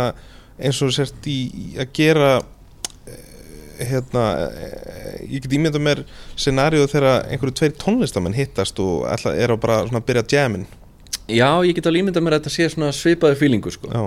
Eh, stundum erum við búinir að ákveða eitthvað svona leggja línunar fyrirfram sko þú veist, hérna, einhver kom með eitthvað beat sko, Já. eða eitthvað en hérna, og oft er þetta þannig að við kannski bara hittumst á brugdegi og hérna, finnum til hráefni sem okkur finnst skemmtileg og svona djömmum saman sko já, þannig að það má eiginlega se- lí, líka þessu tvennu saman já þetta þó ég hef ekki verið í tónlistar eðnaðinum Nei, fyrir bara í því að hlusta já, Já, þetta er svolítið skemmtilegt Hérna uh, Í því samangi, surtur já, uh, Þá ætlum við aðeins að fara í lið sem að er bara uh, svona, þetta fyrir að síða liðalókum hjá okkur um, þessi geggjið þáttur um, það er á döfinni já, uh, nú er Þorrin Já. og surtur hann er svona svolítið tengdu við Þorran oft er það já ekki? bara alltaf, alltaf já uh, það er eitthvað meitsur að gerast þar þess dagana Já, hérna, við erum með bara eins og alltaf þá erum við með svona eh, nokkra surti og hérna nýja og hérna aðra sem að koma aftur já, uh, og til að mynda þetta ár þá erum við með endurkomi á surtnumir 8.8 sem að er blanda af bourbon og konjakstunnum ok uh, svo eru nýju surtirnir að þeim toga að einn er þroskaður í uh, tunnu sem að áður hafði gemt brennivinn, íslensk brennivinn já, og svo erum við með eitt svona sem að kemur í takmarka, takmarkaðar af upplægi sem að er þroskaður á hot sauce tunnu sem er mjög skemmtilegur það er mjög áhugavert að það er svona nettur hitt í honum og hérna, þú veist, maður finnur vel svona hérna chili bræðið já, uh, og smá, svolítið svona Mexico feelingur í honum mm -hmm. uh, svo gerum við alltaf einn nýjan sem að fær alveg nýtt númer og það er þetta ár surtu númer 73 og í ár er hann semast, uh, þroskaður í kókos rom uh, viskitunum Já, og uh, kókos og romtunum fyrir ekki það já, og eh, þar að auki með viðbættu hérna, meira kókáselementi sem er blátt Maryland keks já. Eh, já. og hérna já, þetta er bara hérna, svona kökubjór sko. geggjað já. Þetta hljóma mjög skemmtilega um, og sko, ég ætla nú að henda því núna hérna í loftið að að um, ef þú ert að hlusta þetta á, á um, þeim degi sem að þetta kemur út sem að er 30. janúar að þá er í gangi þorra leikur inn á um, heimasíðinu væsmenn.is uh, getið lesið meir um það sumleis á samfélagsmiðlunum bæði Facebook og Instagram skráðu ykkur til leiks og getið átt um, uh, möguleika á því að, að vinna geggjaðan vinning, endilega tekja á því uh, það er þorraleikurinn talandi um þorran, eh, ert þú þorra maður, ferðu á þorrablót? Uh, ég, nei, ég hef ekki dottið í þetta sko. hérna, ég náttúrulega fluttið að vestan frekar ungur sko, þannig að ég misti svolítið að þorrablóts menningunni Já, en hérna, hef samt svona í gegnum tíðina að vera mikill þorramat maður sko. já, Uh, en kannski svona síðustu þrjú ár hef ég látið þetta vera, ég er svona mjög lítið í kjöti almennt sko já, en hérna þráttur að vera hérna ákveðin hérna ákveðin kjött maður þegar að kemur að sérstaklega barbecue mat sko já, já, en hérna já ég hef lítið látið þetta uh, ég hef eiginlega látið þetta eiga sig síðustu ár sko já. og ég ætla nú aðeins að sjáta þetta hann stórvinn minn, hann Óla Óla á vinnstúkunni sem er vantalegur í vinnkarafluna já, hann var að henda megaspringi í lótið Já, þar sem það- hann hjólar, hjólar svolítið í þorramatinn það er reglulega hérna hjólað í þetta já, en hérna uh, ég er náttúrulega þó að segja ég sé lítið fyrir þetta í dag þá er ég samt alveg hérna, maður hefða og hérna, ber mikla virðingu fyrir því hvaðan við komum sem Íslendingar já, þannig að hérna,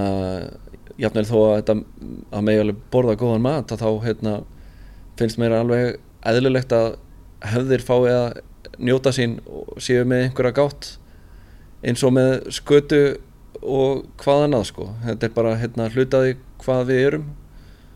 uh, þetta er bara hlutaði okkur, okkar arfi nákvæmlega hérna, þannig að hérna, einhver verður að halda í hefðir uh, þó að einhver vilji sjá hérna, dauða á þessu Nákvæmlega. já, Samanlega því, maður hefða uh, enda náttúrulega uh, ættar rétt um eina vestfyrum. já, Herru, Átni, það er bara snild að tala við þig. Um, hérna, bara verður hrikalega gaman að fylgjast með uh, ykkur hjá hérna, Borgbrukus, hvernig fólk til að kíkja á uh, heimasýna, borgbrukus.is, ekki? Jú. Uh, bara þangur til næst, Átni, Teodor Long, takk hella fyrir komuna í Happy Hour. takk hérlega fyrir mig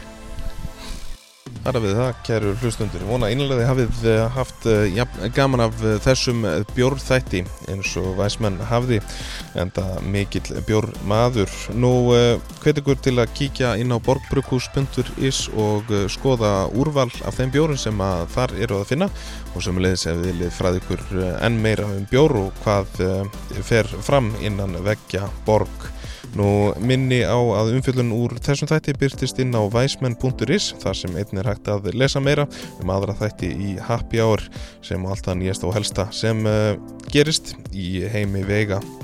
í fljótandi formi. Nú endilega fylgi væsmenn á bæði Instagram og Facebook þar sem hægt er að skikjast á bakvið uh, tjöldin. Nú þátturum verður ekki lengri að sinni. Munið orð væsmenn drekkum ekki til að gleyma sínum sjálfum okkur og öðrum virðingu og drekkum frekar til að njóta.